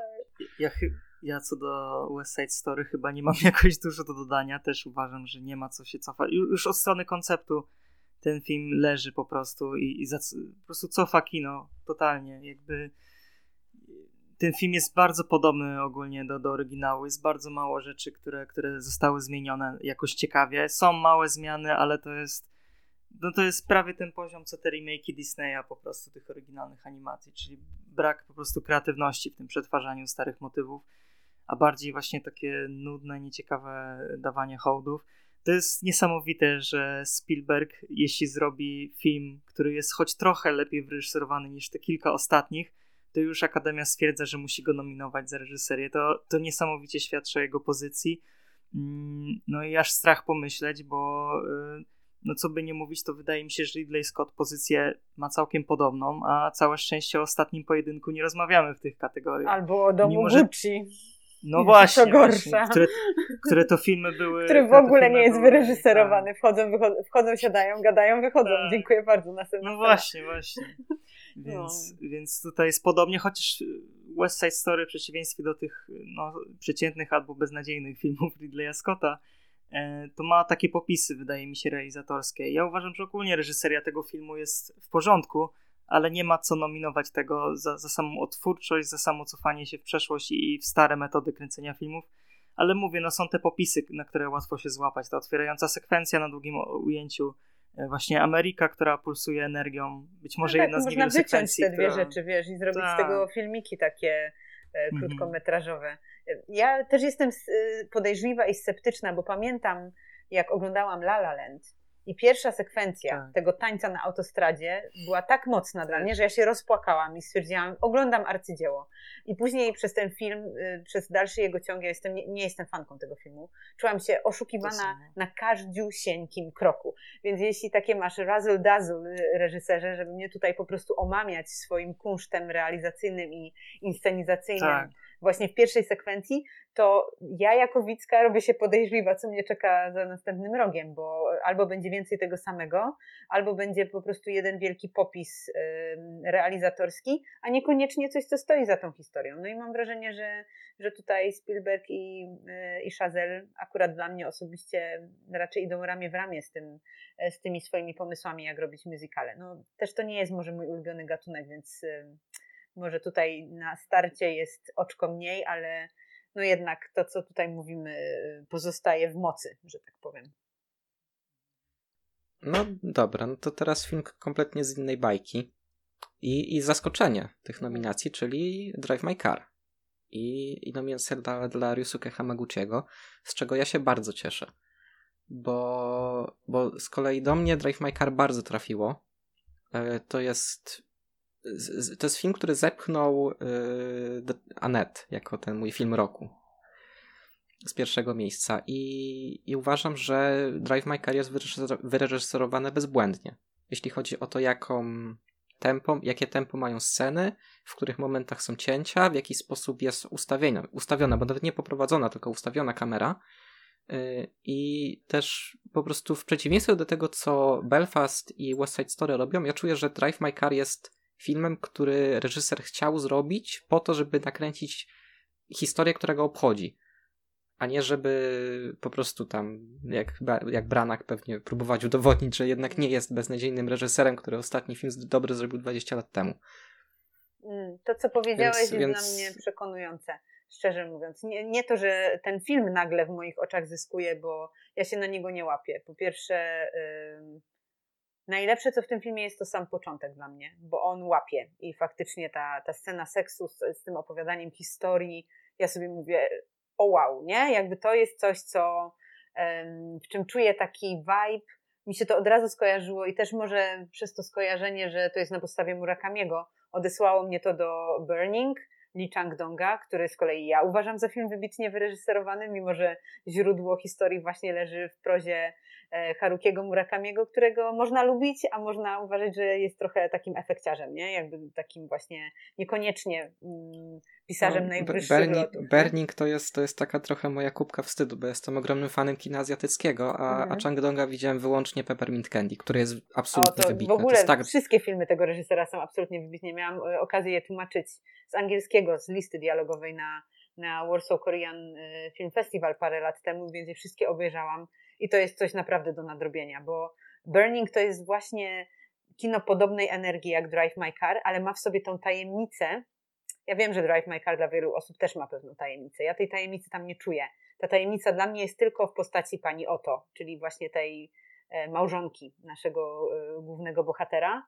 No i jej tak jak to jest nawet na filmowie napisane, w pewnym momencie żona znika, więc tak to utrzymajmy, bo jeszcze pewnie sporo osób tego filmu nie widziało. To jej zniknięcie dla mnie jest y, dla tego filmu niepowetowaną stratą, bo ona dla mnie jest najciekawsza. E, I ja bym jej historię chciała poznawać, więc znowu e, jestem tą osobą, która by chciała chyba trochę innego filmu niż ten, który dostała. Dla mnie to wszystko y, dzieje się zbyt powoli i zbyt długo trwa.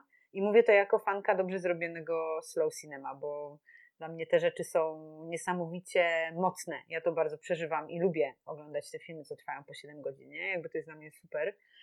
Ale w przypadku tego filmu e, mam poczucie takiej redundancji, że to jest ta powtarzalność i też te nieskończone próby teatralne i to wieczne jeżdżenie, że ja rozumiem, co tutaj, jaki efekt próbuje reżyser osiągnąć, ale ja już dawno wysiadłam z tego filmu. Już jakby nie interesuje mnie ta cała historia. E, chyba przez to nieskończone trwanie. Ale to, że taki film trafia do tej stawki e, i to, co mówiłeś, że, że jednak to jest wzięte i to widać w tym filmie, że to jest film zrobiony z potrzeby zrobienia tego filmu, a nie z potrzeby, nie wiem, zdobywania nagród na festiwalach, wyścigu Oscarowego i przebicia się do Hollywood i tak dalej. To jest jasna sprawa, nie? I dlatego na tą rzecz bym tutaj zwróciła uwagę. Aczkolwiek no ja trochę tak jak w domu Gucci brałam wszystkie klejnoty Lady Gagi i wychodziłam z tego filmu, tak tutaj bym wzięła ten samochód i pojechała w inną stronę, bo to, co się tam dzieje w, w ostatnich scenach, to dopowiedzenie, e, takie domknięcie, postawienie takiej wielkiej kropy tym pędzlem do kaligrafii japońskiej, że tak powiem, to, to dla mnie to jest za dużo, nie? Ja mam takie, że to trochę zbędne są te rzeczy, że ja już to dawno zrozumiałam, co tutaj się wydarzyło. I no tak jak mówię, już też nie do końca byłam z tymi bohaterami, nawet w tych ważnych dla nich momentach, a w tym finale to już w ogóle mnie tam nie ma. Więc gdzieś mi to przeszło obok. A myślałam, że szczególnie po tym początku i tych sekwencjach y, z żoną, myślałam, że to będzie mój film, tak bardzo jak jest Burning y, Lee Chang-donga. Takie mam skojarzenie po prostu. Te filmy dla mnie się łączą ze sobą, obydwa też trwają po trzy godziny, więc e, gdzieś to pewnie też skojarzenie tej długości. No, ciekawe, bo ja mam trochę inne wrażenie, właśnie trochę przeciwne w tym sensie, że ja na początku tego filmu nie czułem się zaangażowany i z czasem czułem, jak, e, jak coraz bardziej zaczynam rozumieć stojącą za tym właśnie taką strategię, wydaje mi się, artystyczną. E, no chyba przede wszystkim mnie kupuje to, jak dużą wagę tutaj przykłada Hamaguchi do kompozycji kadrów. E, jak w drugiej połowie zwłaszcza jest genialna scena E, na nabrzeżu, którą zapamiętamy na długo pod tym względem, jak jest nakręcona. Też jest obfotografowana mamy... wszędzie. Tak, to, to jest ujęcie, które, które będziemy mieć w głowie chyba na długo, wydaje mi się, z tego filmu, ale tego typu ujęć jest dużo. Mm, ogólnie sam film mnie bardzo zaskoczył, jak go oglądałem. Ten, ten tytuł Drive My Car, no, sugerował w mojej głowie jednak coś nieco innego, może nie kino akcji o pościgach, ale, ale jednak... crazy, e, tak, dokładnie, tak. E, ale mówię, pod każdym względem jestem zaskoczony, jestem zaskoczony, jak bardzo się ten film podobał Akademii, to lubię podkreślać, bo faktycznie... To jest szok, ja, nie? Ile tam? Cztery nominacje? Dla mnie tak. Tak, tak, tak. Dziwny rok, dziwny rok. A, a, tak. Ale to już dobrze... wolę cztery nominacje dla tego filmu niż, nie wiem, Fafnaście dla Belfastu czy West Side Story. To jest jakby no tak. Mhm. No na pewno jest to ogromne wyróżnienie dla tego reżysera, który jeszcze właśnie jak niedawno mówiłem, że on jest dość reżyserem młodym, jak na reżysera, tam 43 lata bodaj, a już potrafi zrobić film, który wygląda jak monument, jak kino ostateczne, e, jak film dojrzałego reżysera no i ma już po prostu swój konkretnie e, wyrobiony styl. Będziemy rozpoznawać jego styl po konkretnych kadrach, po tym jak rozmawiają ze sobą bohaterowie. Mm, no ale ja mówię, przez większość tego filmu trochę mi przeszkadza to jednak ta taka wstrzemięźliwość aktorska, że ja lubię minimalizm w kinie, ale tutaj ta wstrzemięźliwość i czekanie na wybuch emocji pod koniec mm, trochę mnie zmęczył i to oczekiwanie na takie mięsko trochę, że tak powiem potocznie, trochę mi to e, przeszkadzało, ale ten e, ten film jest inny, jest dziwny, jest taki egzotyczny i może to w jakimś sensie przyciągało Akademię, nie mam pojęcia. E, bo, bo przy tej całej dziwności jest chyba, no, podejmuje tematy bliskie i takie uniwersalne, więc e, no, jak najbardziej jest to ciekawe kino. To na, następny jest tutaj Paul Thomas Anderson i ja jestem ogromnym fanem tego twórcy. Naprawdę Magnolię uwielbiam, uwielbiam Nić Widmo, Mistrza. Świetne filmy, wszystko. Licorice Pizza uważam za spadek formy.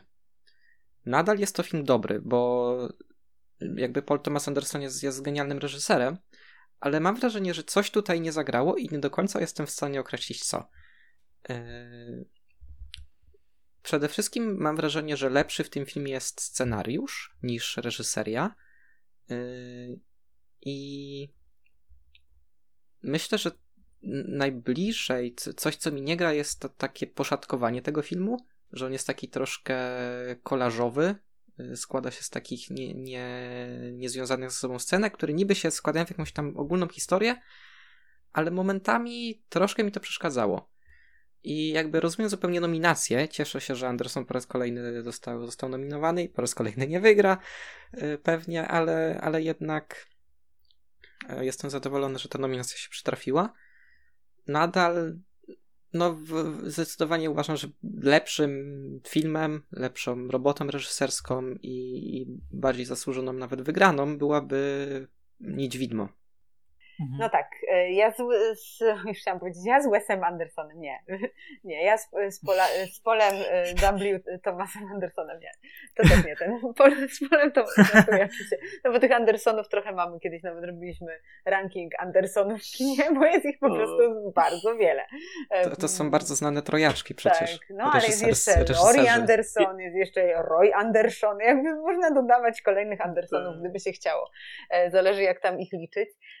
Ja mam z tym filmem e, taką małą anegdotkę, że dzień przed tym, jak na niego poszłam, a to był ostatni film, jaki widziałam w roku 2021, bo poszłam na ten film Sylwestra rano, śniło mi się, że to jest arcydzieło.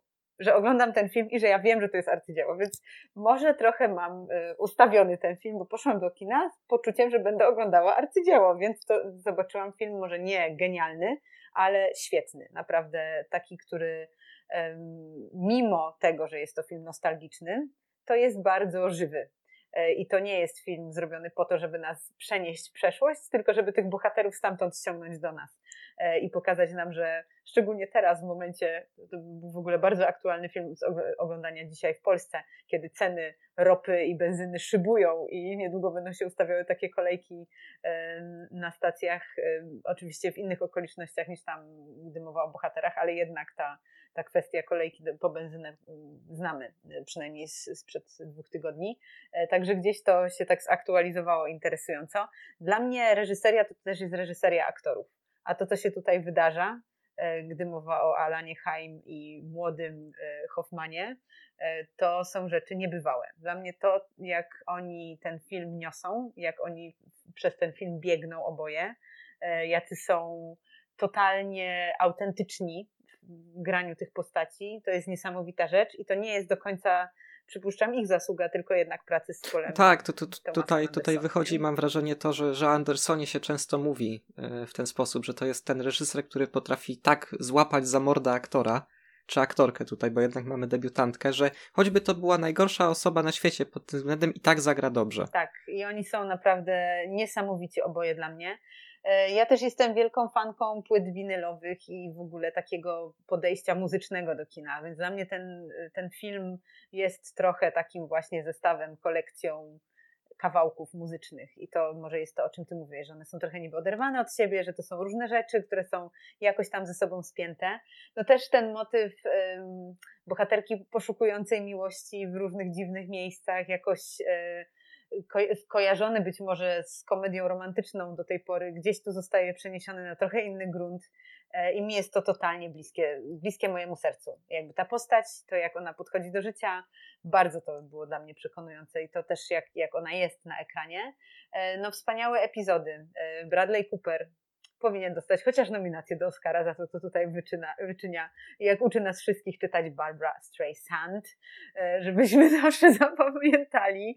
I jak sam naśmiewa się z samego z siebie, w ogóle ze swojej roli w Narodzinach Gwiazdy. No ja jestem pod wrażeniem tego dystansu, jaki on tutaj do siebie złapał. Także dużo jest w tym rzeczy takich smaczków, w tym filmie takich smaczków, to, to sprowadzanie tej ciężarówki z, tego, z tej góry. No przecież to są niebywałe koncepty na sceny. E, dlatego e, ten film zdecydowanie dla mnie jest po prostu arcywyreżyserowany i, i to jest mój faworyt i też sobie zdaję sprawę, że to chyba tylko w porządku mojego serduszka e, ta nagroda by tam się pojawiła, aczkolwiek może, chociaż wątpię, ale tak, zdecydowanie jest to film z tych, które są nominowane, E, taki najbardziej do zapamiętania, bo jednak z Wesem, jejku, znowu ten Wes, z Polem Thomasem Andersonem trochę tak jest, nie wiem czy też tak macie, ale ja tak mam, że jak oglądam jego film, to potem jestem sobie w stanie przypomnieć gdzie, kiedy, z kim go widziałam e, i generalnie co jeszcze na dodatek robiłam tego dnia. I wszystkie filmy pamiętam doskonale z samego faktu ich oglądania i oglądam je później wielokrotnie i one są one się w pewien sposób aktualizują. Jednak jest to kino takie przez duże K, które y, może z człowiekiem zostać.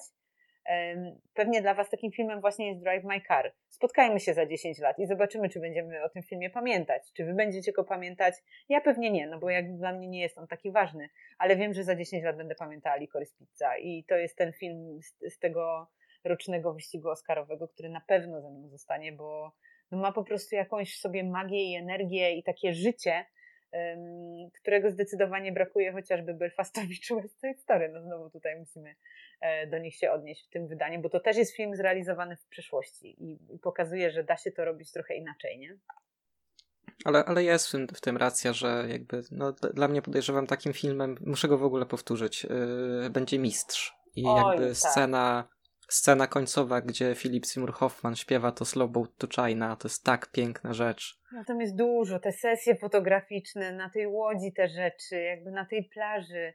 No to są filmy, które po prostu mają jakąś potęgę w sobie i, i to dla mnie jest zdecydowanie z tych reżyserów, ty mówiłeś o Spielbergu, ale z tych bardziej współczesnych reżyserów amerykańskich mam wrażenie, że to jest jeden z tych mistrzów, jeśli nie największy właściwie, bo bo już ma i, i też e, odpowiedni staż i du dużą ilość wysoko ocenianych i dobrze zrealizowanych, świetnie zrealizowanych filmów, e, że tak mm, powiem. Tak, i, i też no, jakby po, podołał chyba, podołał chyba zdecydowanie tego, te, temu byciu spadkobiercą Altmana. No, zdecydowanie tak. Ja kocham też Roberta Altmana i przyznam szczerze, że przez ostatni rok oglądałam głównie jego filmy. E, no i to jest jedyny reżyser, który robi podobne, podobne w, jak, w jakimś duchu kino.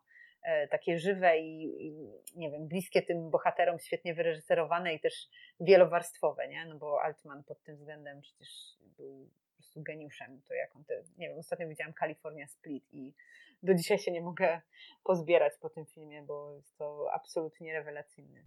Tak, co do Licorice Pizza, to ja mam trochę problemów z tym filmem, nie do końca mnie zaangażował. Z drugiej strony po filmie stwierdziłem, że jest w porządku i że przyjemnie się to oglądało, e, ale czegoś mi tam zabrakło właśnie. U mnie ten film akurat nie został ze mną najdłużej i, dość rzadko wracam do niego myślami, szczerze mówiąc. E, aczkolwiek no, są tutaj podstawy do tego, żeby jak najbardziej mówić, że ten film jest naprawdę bardzo dobrze wyreżyserowany, bo jest tutaj odpowiednia wrażliwość, jest odpowiedni nacisk na tempo filmu, właśnie Mm, wiele filmów jakby nie musi mieć skrzętnie napisanej fabuły, a mimo to kupuje nas e, tym, jak się przez ten film płynie, poprzez muzykę, poprzez zestawienie muzyki z obrazem e, i to tempo właśnie. No ja bardzo lubię na przykład epizody w tym filmie. Mm, e, za niedługo jak będą na YouTubie, to chcę zobaczyć niektóre fragmenty z tymi aktorami słynnymi, którzy zostali wrzuceni na, na drugi plan, czy tam nawet Sean trzeci. Ben. Tak, albo ja, ja, chcę koniecznie powtórzyć epizod Toma Waitsa, który mnie bawił, pamiętam. O tak. E, no, tak. tak. E, i, w sumie no niestety nie mam jakoś dużo do powiedzenia. Właśnie jak mówiłem, uważam, że to jest czuciówka, że to jest film, który trzeba czuć, e, ani, ani nie, nie rozumieć zupełnie. Mm, trochę to się kojarzy z tym, że Chloe Zhao rok temu tym wygrała, można powiedzieć, Oscary, że, że to był film, który właśnie niektórzy, e, u niektórych został na dłużej i, i, jakby płynęli przez ten film emocjonalnie, a, a niektórzy się od niego odbili i myślę, że tutaj jest troszeczkę podobnie w jakimś sensie, e, ale też czu, czuję w tym filmie taką ironię i odautorski dystans, który mimo wszystko trochę mnie oddalał od tych bohaterów, e, ale wydaje mi się, że to może być mój mm, przypadek. A jeszcze taką małą dygresję chciałem powiedzieć, że młody Hoffman bardzo mi się kojarzy, ale nie wiem, czy tylko ja, z aktorem, który gra młodego Tonego Soprano z filmu Wszyscy Święci New Jersey, którego teraz oglądam i nie mogę tego filmu skończyć. To jest, film, który w części, w, to jest film, który w częściach oglądam, prequel do Rodziny mm. Soprano. E, jest raczej kiepski, mm. ale, y, ale no generalnie pod, pod względem takiego portretowania młodych cwaniaków, którzy próbują jakoś tam odnaleźć się w pewnym rodzaju biznesu, no to wydaje mi się, że to są całkiem podobne postacie i no zdziwiło mnie jakieś takie podobieństwo w odgrywaniu tych ról, ale, ale nie wiem, czy to tylko ja. Ja Więc niestety taka, nie widziałam tego, mhm. tego prequela, ale dla mnie Hoffman yy, no, idzie w ślady ojca. Jakby jest to, przynajmniej ja widzę w nim potencjał na naprawdę świetnego mhm. aktora, takiego yy, tak. właśnie z tego rozdania, jakim był Philip Seymour Hoffman, czyli aktor, który po prostu w każdej roli jest yy, trochę sobą, ale potrafi to życie emocjonalne swojego bohatera przedstawić właśnie w taki zniuansowany sposób. No przecież to są, to jest cała plejada świetnych ról, które, które on miał na koncie I w tym chłopaku ja widzę tą iskrę, taką iskrę Bożą, nazwijmy ją tak, z braku lepszego określenia. I dla mnie, no to jest człowiek, który mógłby sprzedać własną babcię i ona by go jeszcze ucałowała na pożegnanie, więc y, ten, ten bohater jest dla mnie niesamowity, jakby pomysłowy, rzutki. E, no takich ludzi nam trzeba, nie? Nie jakichś po prostu nudnych smutasów, którzy nic nie robią, tylko człowieka, który jest nastawiony ku życiu. I ten film dla mnie właśnie taki jest. Więc to, co ty powiedziałeś, że jego się albo czuje, albo nie, no to tutaj jesteśmy na tych przeciwnych biegunach. Ja to czuję po prostu każdą komórką swojego ciała i e, aż sobie chyba obejrzę ten film jeszcze raz, jak tylko będę miała okazję, bo, bo jednak bardzo, bardzo e, ze mną on rezonuje. Też jedno jeszcze coś, co uważam, że Andersona należy pochwalić, to to, że udało mu się tutaj zrobić coś, co nie jest łatwe, czyli zrobić dobre hangout movie gdzie, gdzie te takie filmy pokroju Rushmore, pokroju yy, wie, wiem, że na przykład Everybody Wants Some, czy, czy Days and Confused Linklatera są takimi standardowymi hangout movies, nie widziałem, więc nie mogę porównać, ale no, nie, nie jest to łatwe jednak zrobić ten film, w którym po prostu jest się z bohaterami, a, a tutaj Andersonowi się udało, gdzie to jest po prostu takie tam nie, niecałe 2,5 godziny, gdzie możemy sobie z nimi tak posiedzieć, pośmiać się trochę i potem no ja się na to złapałam kompletnie i, i tak jak mówisz, y, zdecydowanie jest to coś, co, co jemu się w tym akurat y, konkretnym przypadku udało na maksa. Także ja bym z nimi jeszcze posiedziała. I dla mnie jak ten film się kończy, to tak jak ty mówiłeś, że może brakuje tam jakby jeszcze czegoś, ja mam takie, że ej, dawać mi ich tutaj z powrotem, dla mnie y, No może właśnie to, tego mi zabrakło, dalej, że, że, e, Ale że z drugiej jeszcze strony, trochę czasu z nimi spędził, to... No tak, my ich poznajemy, jak ona po prostu spotyka go w szkole, no i jakby też jest to takie nasze przypadkowe spotkanie trochę z nimi, więc też w przypadkowym momencie trochę ich zostawiamy i ma to jakby sens, gdy mowa o opowiadanej tutaj historii to jest bardziej y, z mojej strony takie właśnie, że sercem jestem z nimi, więc teraz trudno mi się od tego filmu odkleić w pewnym sensie, ale nie mam poczucia, że to jest jakoś niedopowiedziane, czy że czegoś tutaj brakuje. Nie, to jest po prostu taki sposób opowiadania historii, nie? Y, I ja to kupuję ponownie. I fajnie też, że, że pojawił się ten Robert Altman jako punkt odniesienia tutaj, bo to jest zdecydowanie z tego, z tego porządku wzięte, nie? Bo California Split, o którym wspomniałam, to też jest taki hangout movie.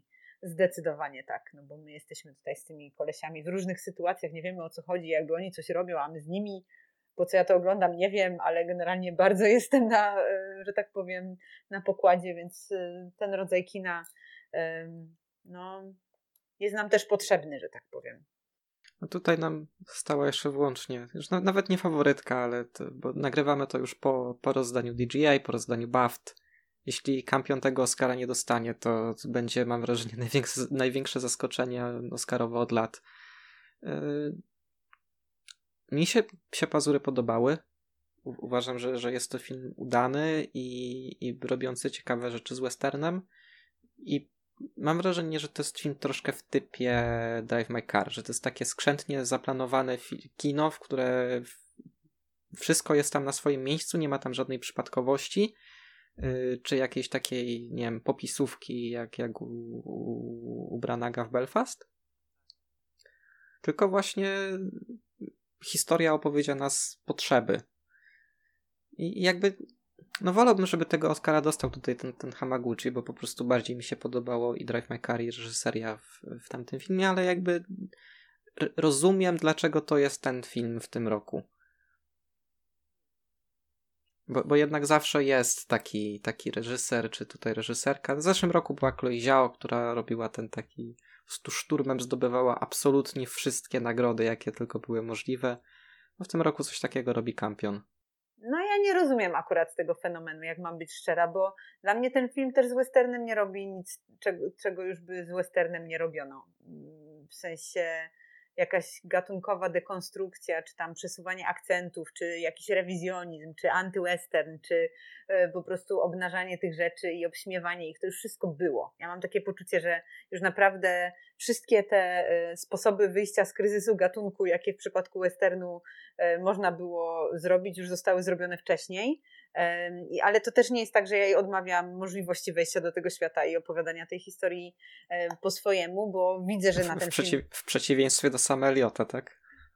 Y, no, tak, tak, tak, zdecydowanie. Y, więc to mnie jakoś po prostu zostawiło dosyć szybko, szczerze mówiąc. Cała ta mm, historia, z którą tutaj mamy do czynienia. Oczywiście jest tam parę takich momentów, może niekoniecznie wielkiego dla mnie wow, na zasadzie e, wielki twist i wielka przewrotka. Wiecie doskonale o czym mówię, ale nie będę tutaj spoilować tego filmu, bo pewnie, pewnie są też osoby, które mogą go obejrzeć dopiero później, po co im zdradzać e, zakończenie i tak dalej, tak dalej. E, ale jednak na przykład kwestie związane z tożsamością głównego bohatera, granego, znaczy głównego, jednego z tych bohaterów, granego przez Benedicta Cumberbatcha. Dla mnie tam było parę takich e, momentów, że się zastanawiałam, czemu to nagle idzie właśnie w taką stronę. Nie było to dla mnie jakoś uzasadnione. Miałam raczej wrażenie, że to jest e, film, który w pewnym sensie stara się być bardzo aktualny, opowiadając tą historię jakby z przeszłości i że to jest dla mnie sztuczne. To dla mnie tutaj nie wypala. To wy mówicie, że to jest y, jakaś świetna reżyseria. Ja tego nie widzę. Ja się na tym filmie dosyć mocno wynudziłam, jak mam być szczera. I miałam takie poczucie, że te przeciągnięte sceny nie, nie wypalają dla mnie jakoś ani na poziomie emocjonalnym, ani na poziomie fabularnym że ten bohater właśnie grany przez Benedicta Cumberbatcha jest y, niewiarygodny dla mnie jakoś. No nie wiem, jak tak teraz cofam się do tego seansu tego filmu, bo widziałam go w kinie, to były te, te pokazy zanim on wszedł na Netflixa, to bardziej pamiętam, że kiedy ten film się skończył, to poszłam na e, kuriera francuskiego i bardzo się cieszyłam, że już mogłam wyjść z tych psich pazurów i obejrzeć coś, co jest bliższe mojemu sercu nagle, nie? E, I bardzo szybko ten film gdzieś E, przemknął i nie, nie mam z nim żadnej relacji emocjonalnej, więc um, chyba bardziej bym wolała posłuchać tego, co wy o nim myślicie, bo zdecydowanie nie jest to ani mój faworyt, ani moje kino, e, ani moje postaci, ani moje nominacje, bo jest ich tutaj też bardzo dużo. Um, raczej no nie. Znowu będzie, że Kaja Klimek coś tam wydziwia, jakoś nie, nie rozumie um, genialnego kina, ale szczerze mówiąc, no E, powiedzcie mi o, o, swojej perspektywie. Może ja spojrzę na ten film trochę inaczej i znajdę w nim coś, co, czego nie widzę po prostu, będąc mną. Ja zacznę od tego, że z jednej strony mógłbym być zmęczony tym, że opowiadam o tym filmie od dawna, bardzo dużo w tych naszych e, rozmowach, bo w każdej kategorii psie pazury są moim faworytem. Wydaje mi się, w prawie każdej kategorii, co są, są psie pazury, to raczej te psie pazury typuję, czy to muzyka, czy, E, czy, czy nie wiem, montaż, czy zdjęcia, to, to wszędzie po prostu uwielbiam. No i sam film jakby cały czas jest ze mną mimo wszystko, cały czas mam bardzo ciepłe uczucia do niego. Mm, podobnie, właśnie też się zgadzam z porównaniem do Drive My Car, że to jest bardzo skrzętne, takie mm, introspekcyjne widowisko zaglądające w bohaterów, e, które jest przede wszystkim opowiadane poprzez bohaterów. Tutaj nie ma budowy świata, jak nie wiem, jak e, w Dune, chociaż to, to zupełnie inny film, e, ale to, już mówiłem, gdzie mówiliśmy o dźwięku, jak tam dźwięk jest kreowany w obu filmach, że tutaj rzeczywiście mm, to taka, nie wiem, intymność tego dźwięku, ten, ten minimalizm, e, no minimalizm na każdym etapie tego filmu. Mm, i nie wiem, no i ten film dużo bardziej do mnie trafia niż Dave Maker. Ja właśnie tutaj widzę bardzo dużo emocji, bardzo mi się podoba to, że jedyną postacią, która jest tak bardzo wyraziście mm, przeszarżowana w wielu momentach, znaczy nie przeszarżowana, ale jednak jest to intensywna rola, to to jest to Cumberbatch, a reszta ról jest bardzo w tle, ale poprzez to, jak y, Campion panuje nad e, umiejscowieniem bohaterów w kadrze, e, nad budowaniem atmosfery, poprzez muzykę, poprzez naturę, która jest przepiękna w tym filmie, przepięknie sportretowana, gdzie mamy tych małych bohaterów na wielkich tłach, na wielkich przestrzeniach. To sprawia, że ja czuję rolę każdego bohatera, za każdym bohaterem czuję zwyczajnie życie, każdy bohater jest z krwi i kości, nawet jeśli nie mówi za dużo. E, ja sam nie jestem fanem tych e, nominowania tych aktorów drugoplanowych, niektórych. E, mimo, mimo, że samych aktorów lubię tutaj te role, uważam, że, że nie były aż tak wyraziste, żeby je nominować, ale samo napisanie tych bohaterów, samo poprowadzenie reżyserskie uważam za, za mistrzowskie. No i uważam, że to jest film, który na każdym swoim poziomie jest wybitny. W sensie Jane Campion przyłożyła się do każdego E, poziomu tego filmu, zarówno do muzyki Johna Greenwooda, która jest przepiękna, która jest antywesternowa, zupełnie jak sam film, e, przyłożyła się do dźwięku, do kostiumów, do scenografii. No właśnie kostiumy to ten element chyba jedyny, który nie był nominowany z tego filmu, a też wydaje mi się, że jest na dość wysokim poziomie. E, no i każda scena to jest skrzętne budowanie atmosfery w celu wyodrobnienia danej emocji, w celu przybliżenia nas do bohaterów, nawet jeśli w danej chwili nie mamy zbliżenia. Bo na przykład wydaje mi się, że Córka, e, inny film, który też jest nominowany w paru kategoriach w tym roku, to jest film właśnie głównie oparty na zbliżeniach. Te zbliżenia przybliżają nas do bohaterów. Tutaj mamy duż, dużo więcej szerszych planów i myślę, że scenografia, muzyka, e, mm, właśnie zaplanowanie kadrów to nas przybliża do charakterów bohaterów. Też pokazanie ich w odpowiednich kostiumach, scenografiach, trochę się powtarzam, ale generalnie tak bardzo ten film Ale uwielbiam, widać, że, że, że lubisz, że mógłbym... widać, że cię to niesie. No tak, tak, właśnie Ale, staram, dopytam staram tylko- się nieść. Mhm. E, Dopytam, widzieliście Tak. taki film, ten, nie pamiętam jak się nazywał ten reżyser, ale podobnie jak bohater Szklanej Pułapki, John McClane chyba, jakoś tak, się to nazywało Slow West i tam też główną rolę grał Cody Smith Tak, e, tak, ja, ja, to, E, ja to widziałem taki nawet w kinie. Nowozelandzki, e, jakby nowozelandzki western. E, Dla mnie ta postać właśnie tutaj gdzieś e, łączy te, te dwa światy i też cały czas widziałam tamtego bohatera, czyli tego romantycznego chłopaka na Grand Tour e, w westernowym świecie. E, Też takie połączenie dwóch różnych konwencji i tutaj on, on wraca i dla mnie e, ta postać była jakaś interesująca. Trochę jak musimy porozmawiać o Kevinie i właśnie trochę z tego Slow Westu. I on ze mną faktycznie jakoś bardziej został. Rozumiem teraz tą, tą Twoją perspektywę, Maćku, y, docenienia tego na, na tych wszystkich zniuansowanych poziomach. Ja raczej miałam takie poczucie, że jasne widzę to, jasne doceniam to na takim poziomie rozumu, ale moje emocje w ogóle nie idą za tą historią. I y, tutaj wiesz, ta, ta nominacja dla e, Kirsten Dunst jakoś niespecjalnie rozumiem jakby tą bohaterkę i też takie jej mm, pokazanie jej właśnie jako takiej e, jednak dosyć słabej postaci kobiecej przez tę właśnie reżyserkę. Jakoś to trochę halo, Jane Campion, przypominam Top of the Lake, e, przypominam Fortepian, jakby historie tych bohaterek jakoś e, dużo bardziej ze mną rezonowały. Tutaj wiadomo, że ona robi jednak film o, o tym bohaterze, e, jak by to się nazywał ten, co Benedict Cumberbatch gra? Bo ja zapomniałam nawet, jak się ten bohater nazywał. Pamiętacie? E, nie, ale ja nigdy nie pamiętam imion postaci, które. Okej, no to wszyscy wiedzą o kogo chodzi. Że jednak on jest tutaj głównym Phil, silnikiem. Phil. Phil Burbank. Phil Burbank, no. On jest jednak tutaj głównym e, silnikiem, że tak powiem, napędowym tego filmu, a nie bohaterka. Em, ale jakoś, no, po prostu e, nie czuję tego tak jak ty, co jest też chyba okej, Mhm. że każdy ma swoje kino. Oczywiście. Em, tak. Ale teraz bardziej widzę, co w tym filmie e, może sprawić, że ktoś bardzo jest na tak. Mm, Więc dzięki za to. No, też myślę, że mojemu zaangażowaniu pomagał taki balans piękna i brzydoty, który chyba jest jednym z Mhm. najważniejszych dla mnie elementów tego filmu. To jak brud miesza się z takim pięknem, pięknem e, często charakteru, a nie koniecznie cech fizycznych, e, co, co Mm. myślę, że jest bardzo ciekawe w tym filmie.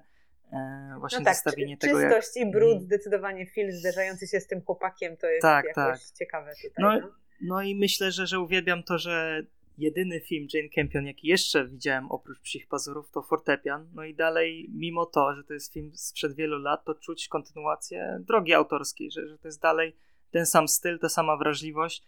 Mm, No i w tym wypadku oba filmy też łączy właśnie ten zapał i, i podejście, że to ma być właśnie wielkie kino.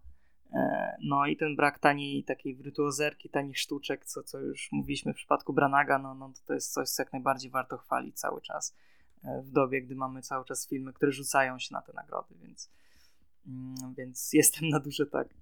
Dobrze, czy, czy, czy macie coś jeszcze do dodania o samej kategorii najlepsza reżyseria? Chyba przeszliśmy bardzo długą drogę. Rozmawiamy No. już chyba z godzinę 20 minut, jeśli nie. Tak, E, tak, tak. Bo, bo, bo wydaje mi się, że, że, że o faworytach ewentualnego wskazywania nie ma co mówić, bo tutaj to dosyć wyraźnie chyba w rozmowie wybrzmiało, że u mnie to jest Hamaguchi, u u ciebie Kaju Anderson, a u Maćka No tak, w y, Campion. porządku, w porządku serca Anderson y, dostanie kampion, nie? To jest. Ale, jakby... przy, ale przynajmniej bardzo się cieszę, że jest jednak ta zgodność, że Branak i Spielberg y, do śmietnika. No. No, no jest to y, zdecydowanie nie moje. No, jak mówiłam y, i powtarzam to przy każdej możliwej okazji. Jestem zmęczona kinem, które opowiada nam o rzeczach, które już były i o których można przeczytać w Wikipedii. Ja oczekuję, że kino będzie do mnie mówiło o rzeczach, których nie wiem. Nie mam na myśli fizyce atomowej czy biologii molekularnej, ale mam na myśli Ale, ale to nawet może niekoniecznie ten. Mo- może nawet niekoniecznie, że filmy nie powinny opowiadać o rzeczach, które już były, tylko żeby to chociaż robiły w ciekawy sposób.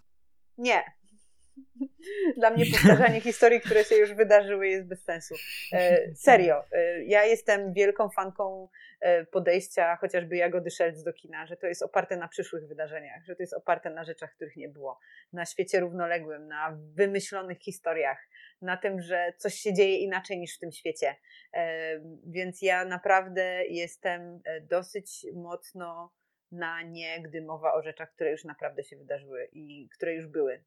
Mam taki teraz, e, taki mam moment w życiu, że raczej interesuje mnie to, co jest tam i pokazuje do przodu, czyli w przyszłość, niż tam pokazuje do tyłu, czyli w przeszłość. Więc gdzieś tego też oczekuję od reżyserów, że mi pokażą rzeczy, których ja nie, nie widziałam. Pewnie też dlatego takie rzeczy chociażby jak Anet, o której tutaj trochę mówiliśmy, czy Titan, to są rzeczy, które mnie bardzo mocno grzeją w tym momencie, nie? Czyli coś po prostu totalnie z innego świata i innego porządku. No, no okej, okay, to teraz to, to teraz tak y, pytanie ogólnie Oscarowe. Y, o, o, ogólnie nominacje i czy tutaj cię coś wyjątkowo grzeje? Czy, czy masz jakiś taki film, który bardzo ci się spodobał i na przykład uważasz, że jest zdecydowanie niedoceniony, jeśli chodzi o ilość nominacji? Czy masz jakichś faworytów na przykład? Albo, albo, w, albo w drugą stronę kompletnie, że, że rzeczy, które cię bardzo, bardzo zdenerwowały, że Nie, już jakby się... zostawmy te, co mnie denerwują. Może powiem o, o, o czymś, co, co bardzo ukochałam i co bardzo mnie cieszy, że znalazło się właśnie w tej, bo to nie jest kategoria najlepszy film, tylko to jest kategoria aktorska, pierwszoplanowa rola kobieca.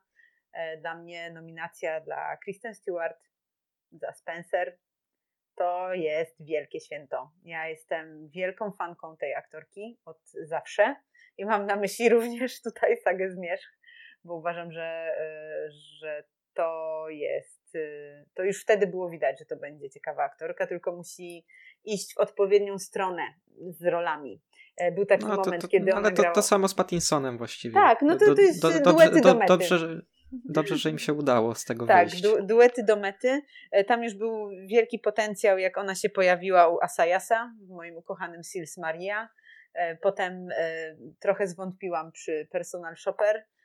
Jeszcze bardziej zwątpiłam, jak ją obsadzili jako Seaberg i po prostu było to eksploatowanie jej takiej delikatności i kruchości na ekranie, którego ja akurat fanką nie jestem, a to, e, co zrobili razem z Pablo Larrainem, po prostu z historią księżnej Diany, no to dla mnie to jest absolutna ekstaza, e, gdy mowa o tym, jak można opowiadać biografię, e, jak można wykreować historię realnej postaci, tak żeby to nie było do końca o niej, tylko jakoś po prostu w baśni nagle osadzone.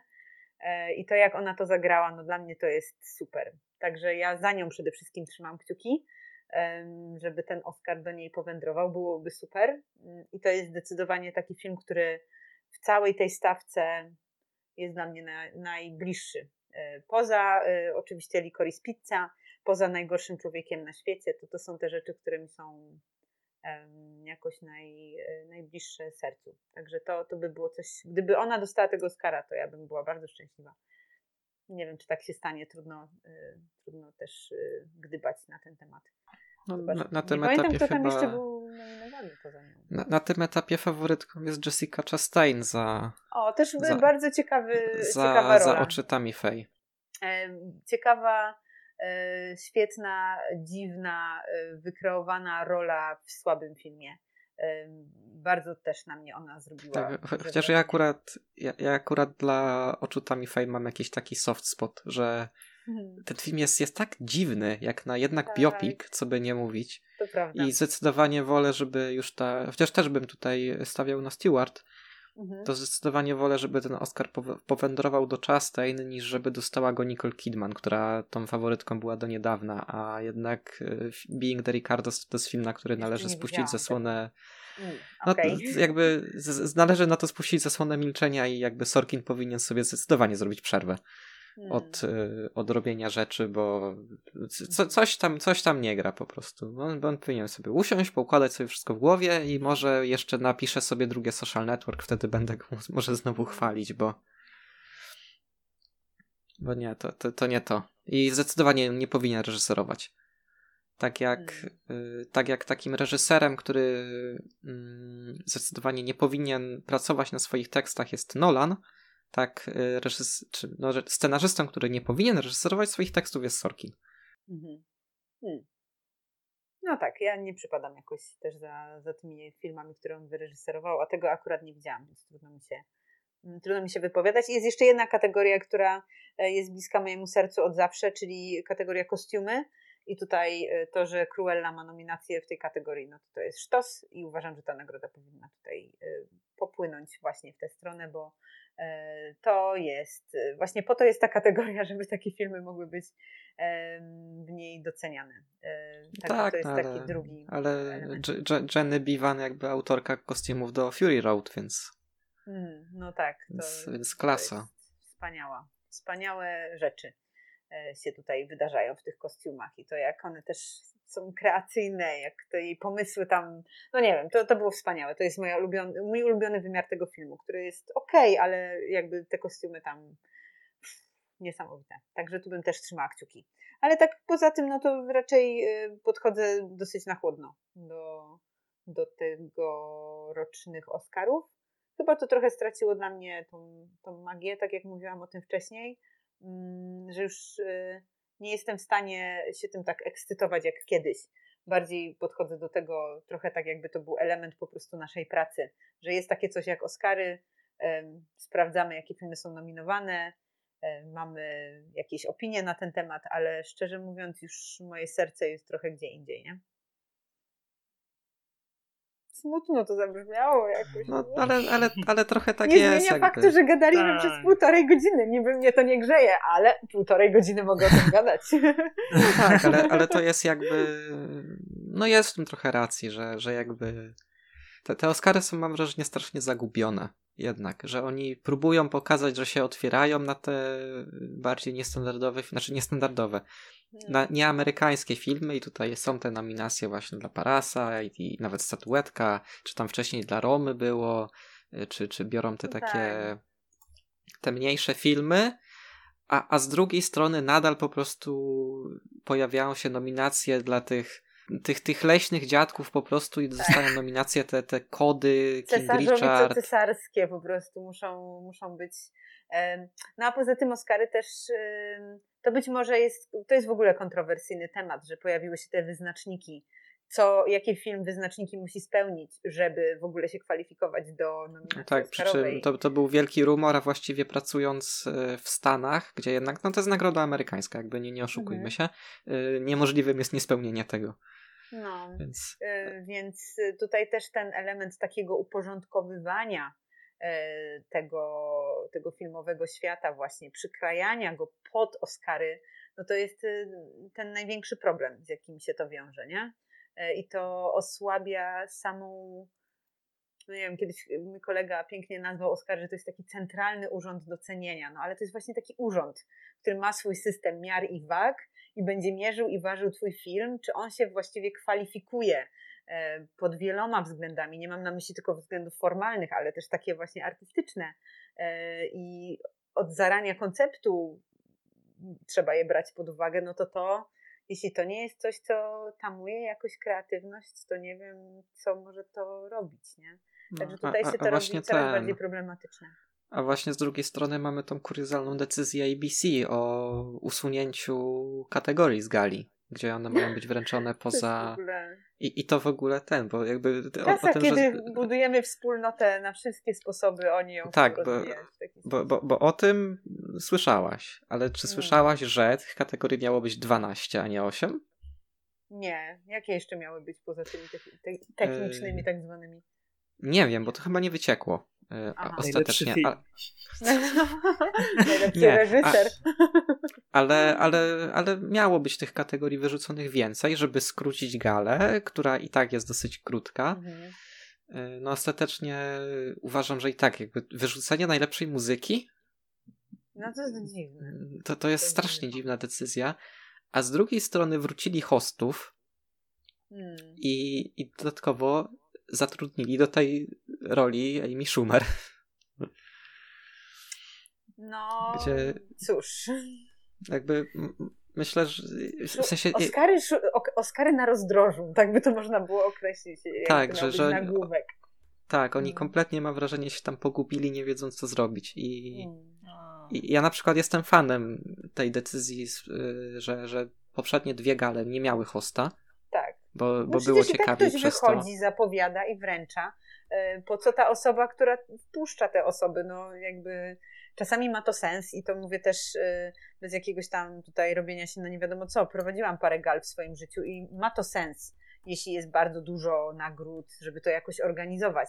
Ale to wszystko są aktorzy hollywoodzcy, którzy to wręczają. Oni wiedzą, co zrobić, jak to zapowiedzieć, więc jakby nie ma, nie ma to do końca sensu. I, I to właściwie wydłuża tą galę najbardziej, bo jeszcze musi być jeden żarcik. Yy, I jeszcze jakiś tak, a, nie? A, a jeden z, na, na Twitterze się pojawił jeden, jeden z żartów, które Amy Schumer podobno zaproponowała. Co prawda teraz nie pamiętam, jak to szło, mm. ale żenada jakby. Że, że ostatecznie on się tam niby nie znalazł, został odrzucony mm. przez, przez reżyserów gali, ale jeszcze jakby to był chociaż ktoś, kto jest faktycznie zabawny, jakby, nie wiem, wzięli Jenny Slate albo mm. Johna Mulaney, Bo Barnama chociażby się pewnie nie zgodził, ale żeby to był ktoś ciekawszy, a jakby ten zestaw nie jest zły, no bo tutaj jest Regina Hall i Wanda Sykes, które są bardzo spoko, ale co tutaj robi Amy Schumer? nie wiem, wiesz, jakby tak jak mówię, szukanie jakiejś nowej formuły, jakiegoś testowanie nowych pomysłów. Też y, zeszły rok był trudny, więc ten jest jakiś Tak, to też, też ten jakby oglądalność, ale... o, oglądalność zeszłorocznej gali była rekordowo niska. Tam hmm. był spadek o, nie, nie, będę teraz strzelać, ale no duży. Mhm. Więc, yy, więc nie wiem, tak próbują to ratować. No zobaczymy, co z tego wyjdzie. Mo może będzie spoko. Li liczę na to. Zawsze pozostaje następny rok. Yy, tak. To jak to, ale to mamy jak w banku, że Wielkie Święto. Kina ponownie na wiosnę Hollywood i w waszych domach w Polsce tak. w późnych godzinach nocnych. I Oscary ponownie nie zaskoczą. Mhm. No tak, będziemy obstawiać, wykreślać. My ze znajomymi mamy taki system, że, że sobie po prostu e, się zakładamy, kto trafi najwięcej kategorii i e, można wygrać coś. Więc pewnie w tym roku też wezmę udział, ale będę tak stawiała jak po prostu dziki kocur te. Zobaczymy, może w tym roku akurat trafię randomowo w te filmy, które ale, to, ale to właśnie wydaje mi się, że w tym roku to jest jedyny sposób na to, żeby to było zabawne, bo yy, jakby poza, poza kategoriami krótkometrażowymi, gdzie zawsze jest po prostu chaos i nie wiadomo, kto dostanie, chociaż nawet tam w tym roku, jakby wiadomo, że krótkometrażowego shorta aktorskiego dostanie Riz Ahmed, ale poza tym, no to jakby Oscary się podzielą pomiędzy Dune i Psie Pazury, aktora dostanie Smith, aktorkę Chastain i, i właściwie zero zabawy. Nie można się rozejść. Dobrze. Y, dziękujemy Ci, Kaju, bardzo za rozmowę. Ja też wy, bardzo dziękuję. Wyjątkowo tak. długą, wydaje mi się, że najdłuższą z tych rozmów z gośćmi, ale to jest jednak też... Ale był materiał. Tak, ale to jest jednak bogata, bogata kategoria, o której y, można ciekawe rzeczy powiedzieć. Cieszę się. Cieszę się, że mogłam sobie przegadać to też z wami, bo zawsze to, to dobrze sobie pewne rzeczy ułożyć w głowie i dzięki też za inną perspektywę niż moja własna na e, psie pazury. Naprawdę to coś wniosło, także, także super. E, Drive My Car nie obejrzę drugi raz, Psich Pazurów też nie, West Side Story też nie, Belfastu tym bardziej nie, ale Licorice Pizza na pewno. Mam nadzieję, że też wrócicie do tego filmu i zobaczymy. No, ja, Może umówimy ja się, tak. za 10 lat sprawdzamy, który z tych nominowanych filmów będziemy. No, można, można tak zrobić. Jesteśmy dobrze, to, tak, dobrze, to dziękujemy Ci bardzo jeszcze raz i co? Żegnamy Dzięki. się. Pa, pa. No, wszystkiego pa, dobrego pa. dla wszystkich. Pa.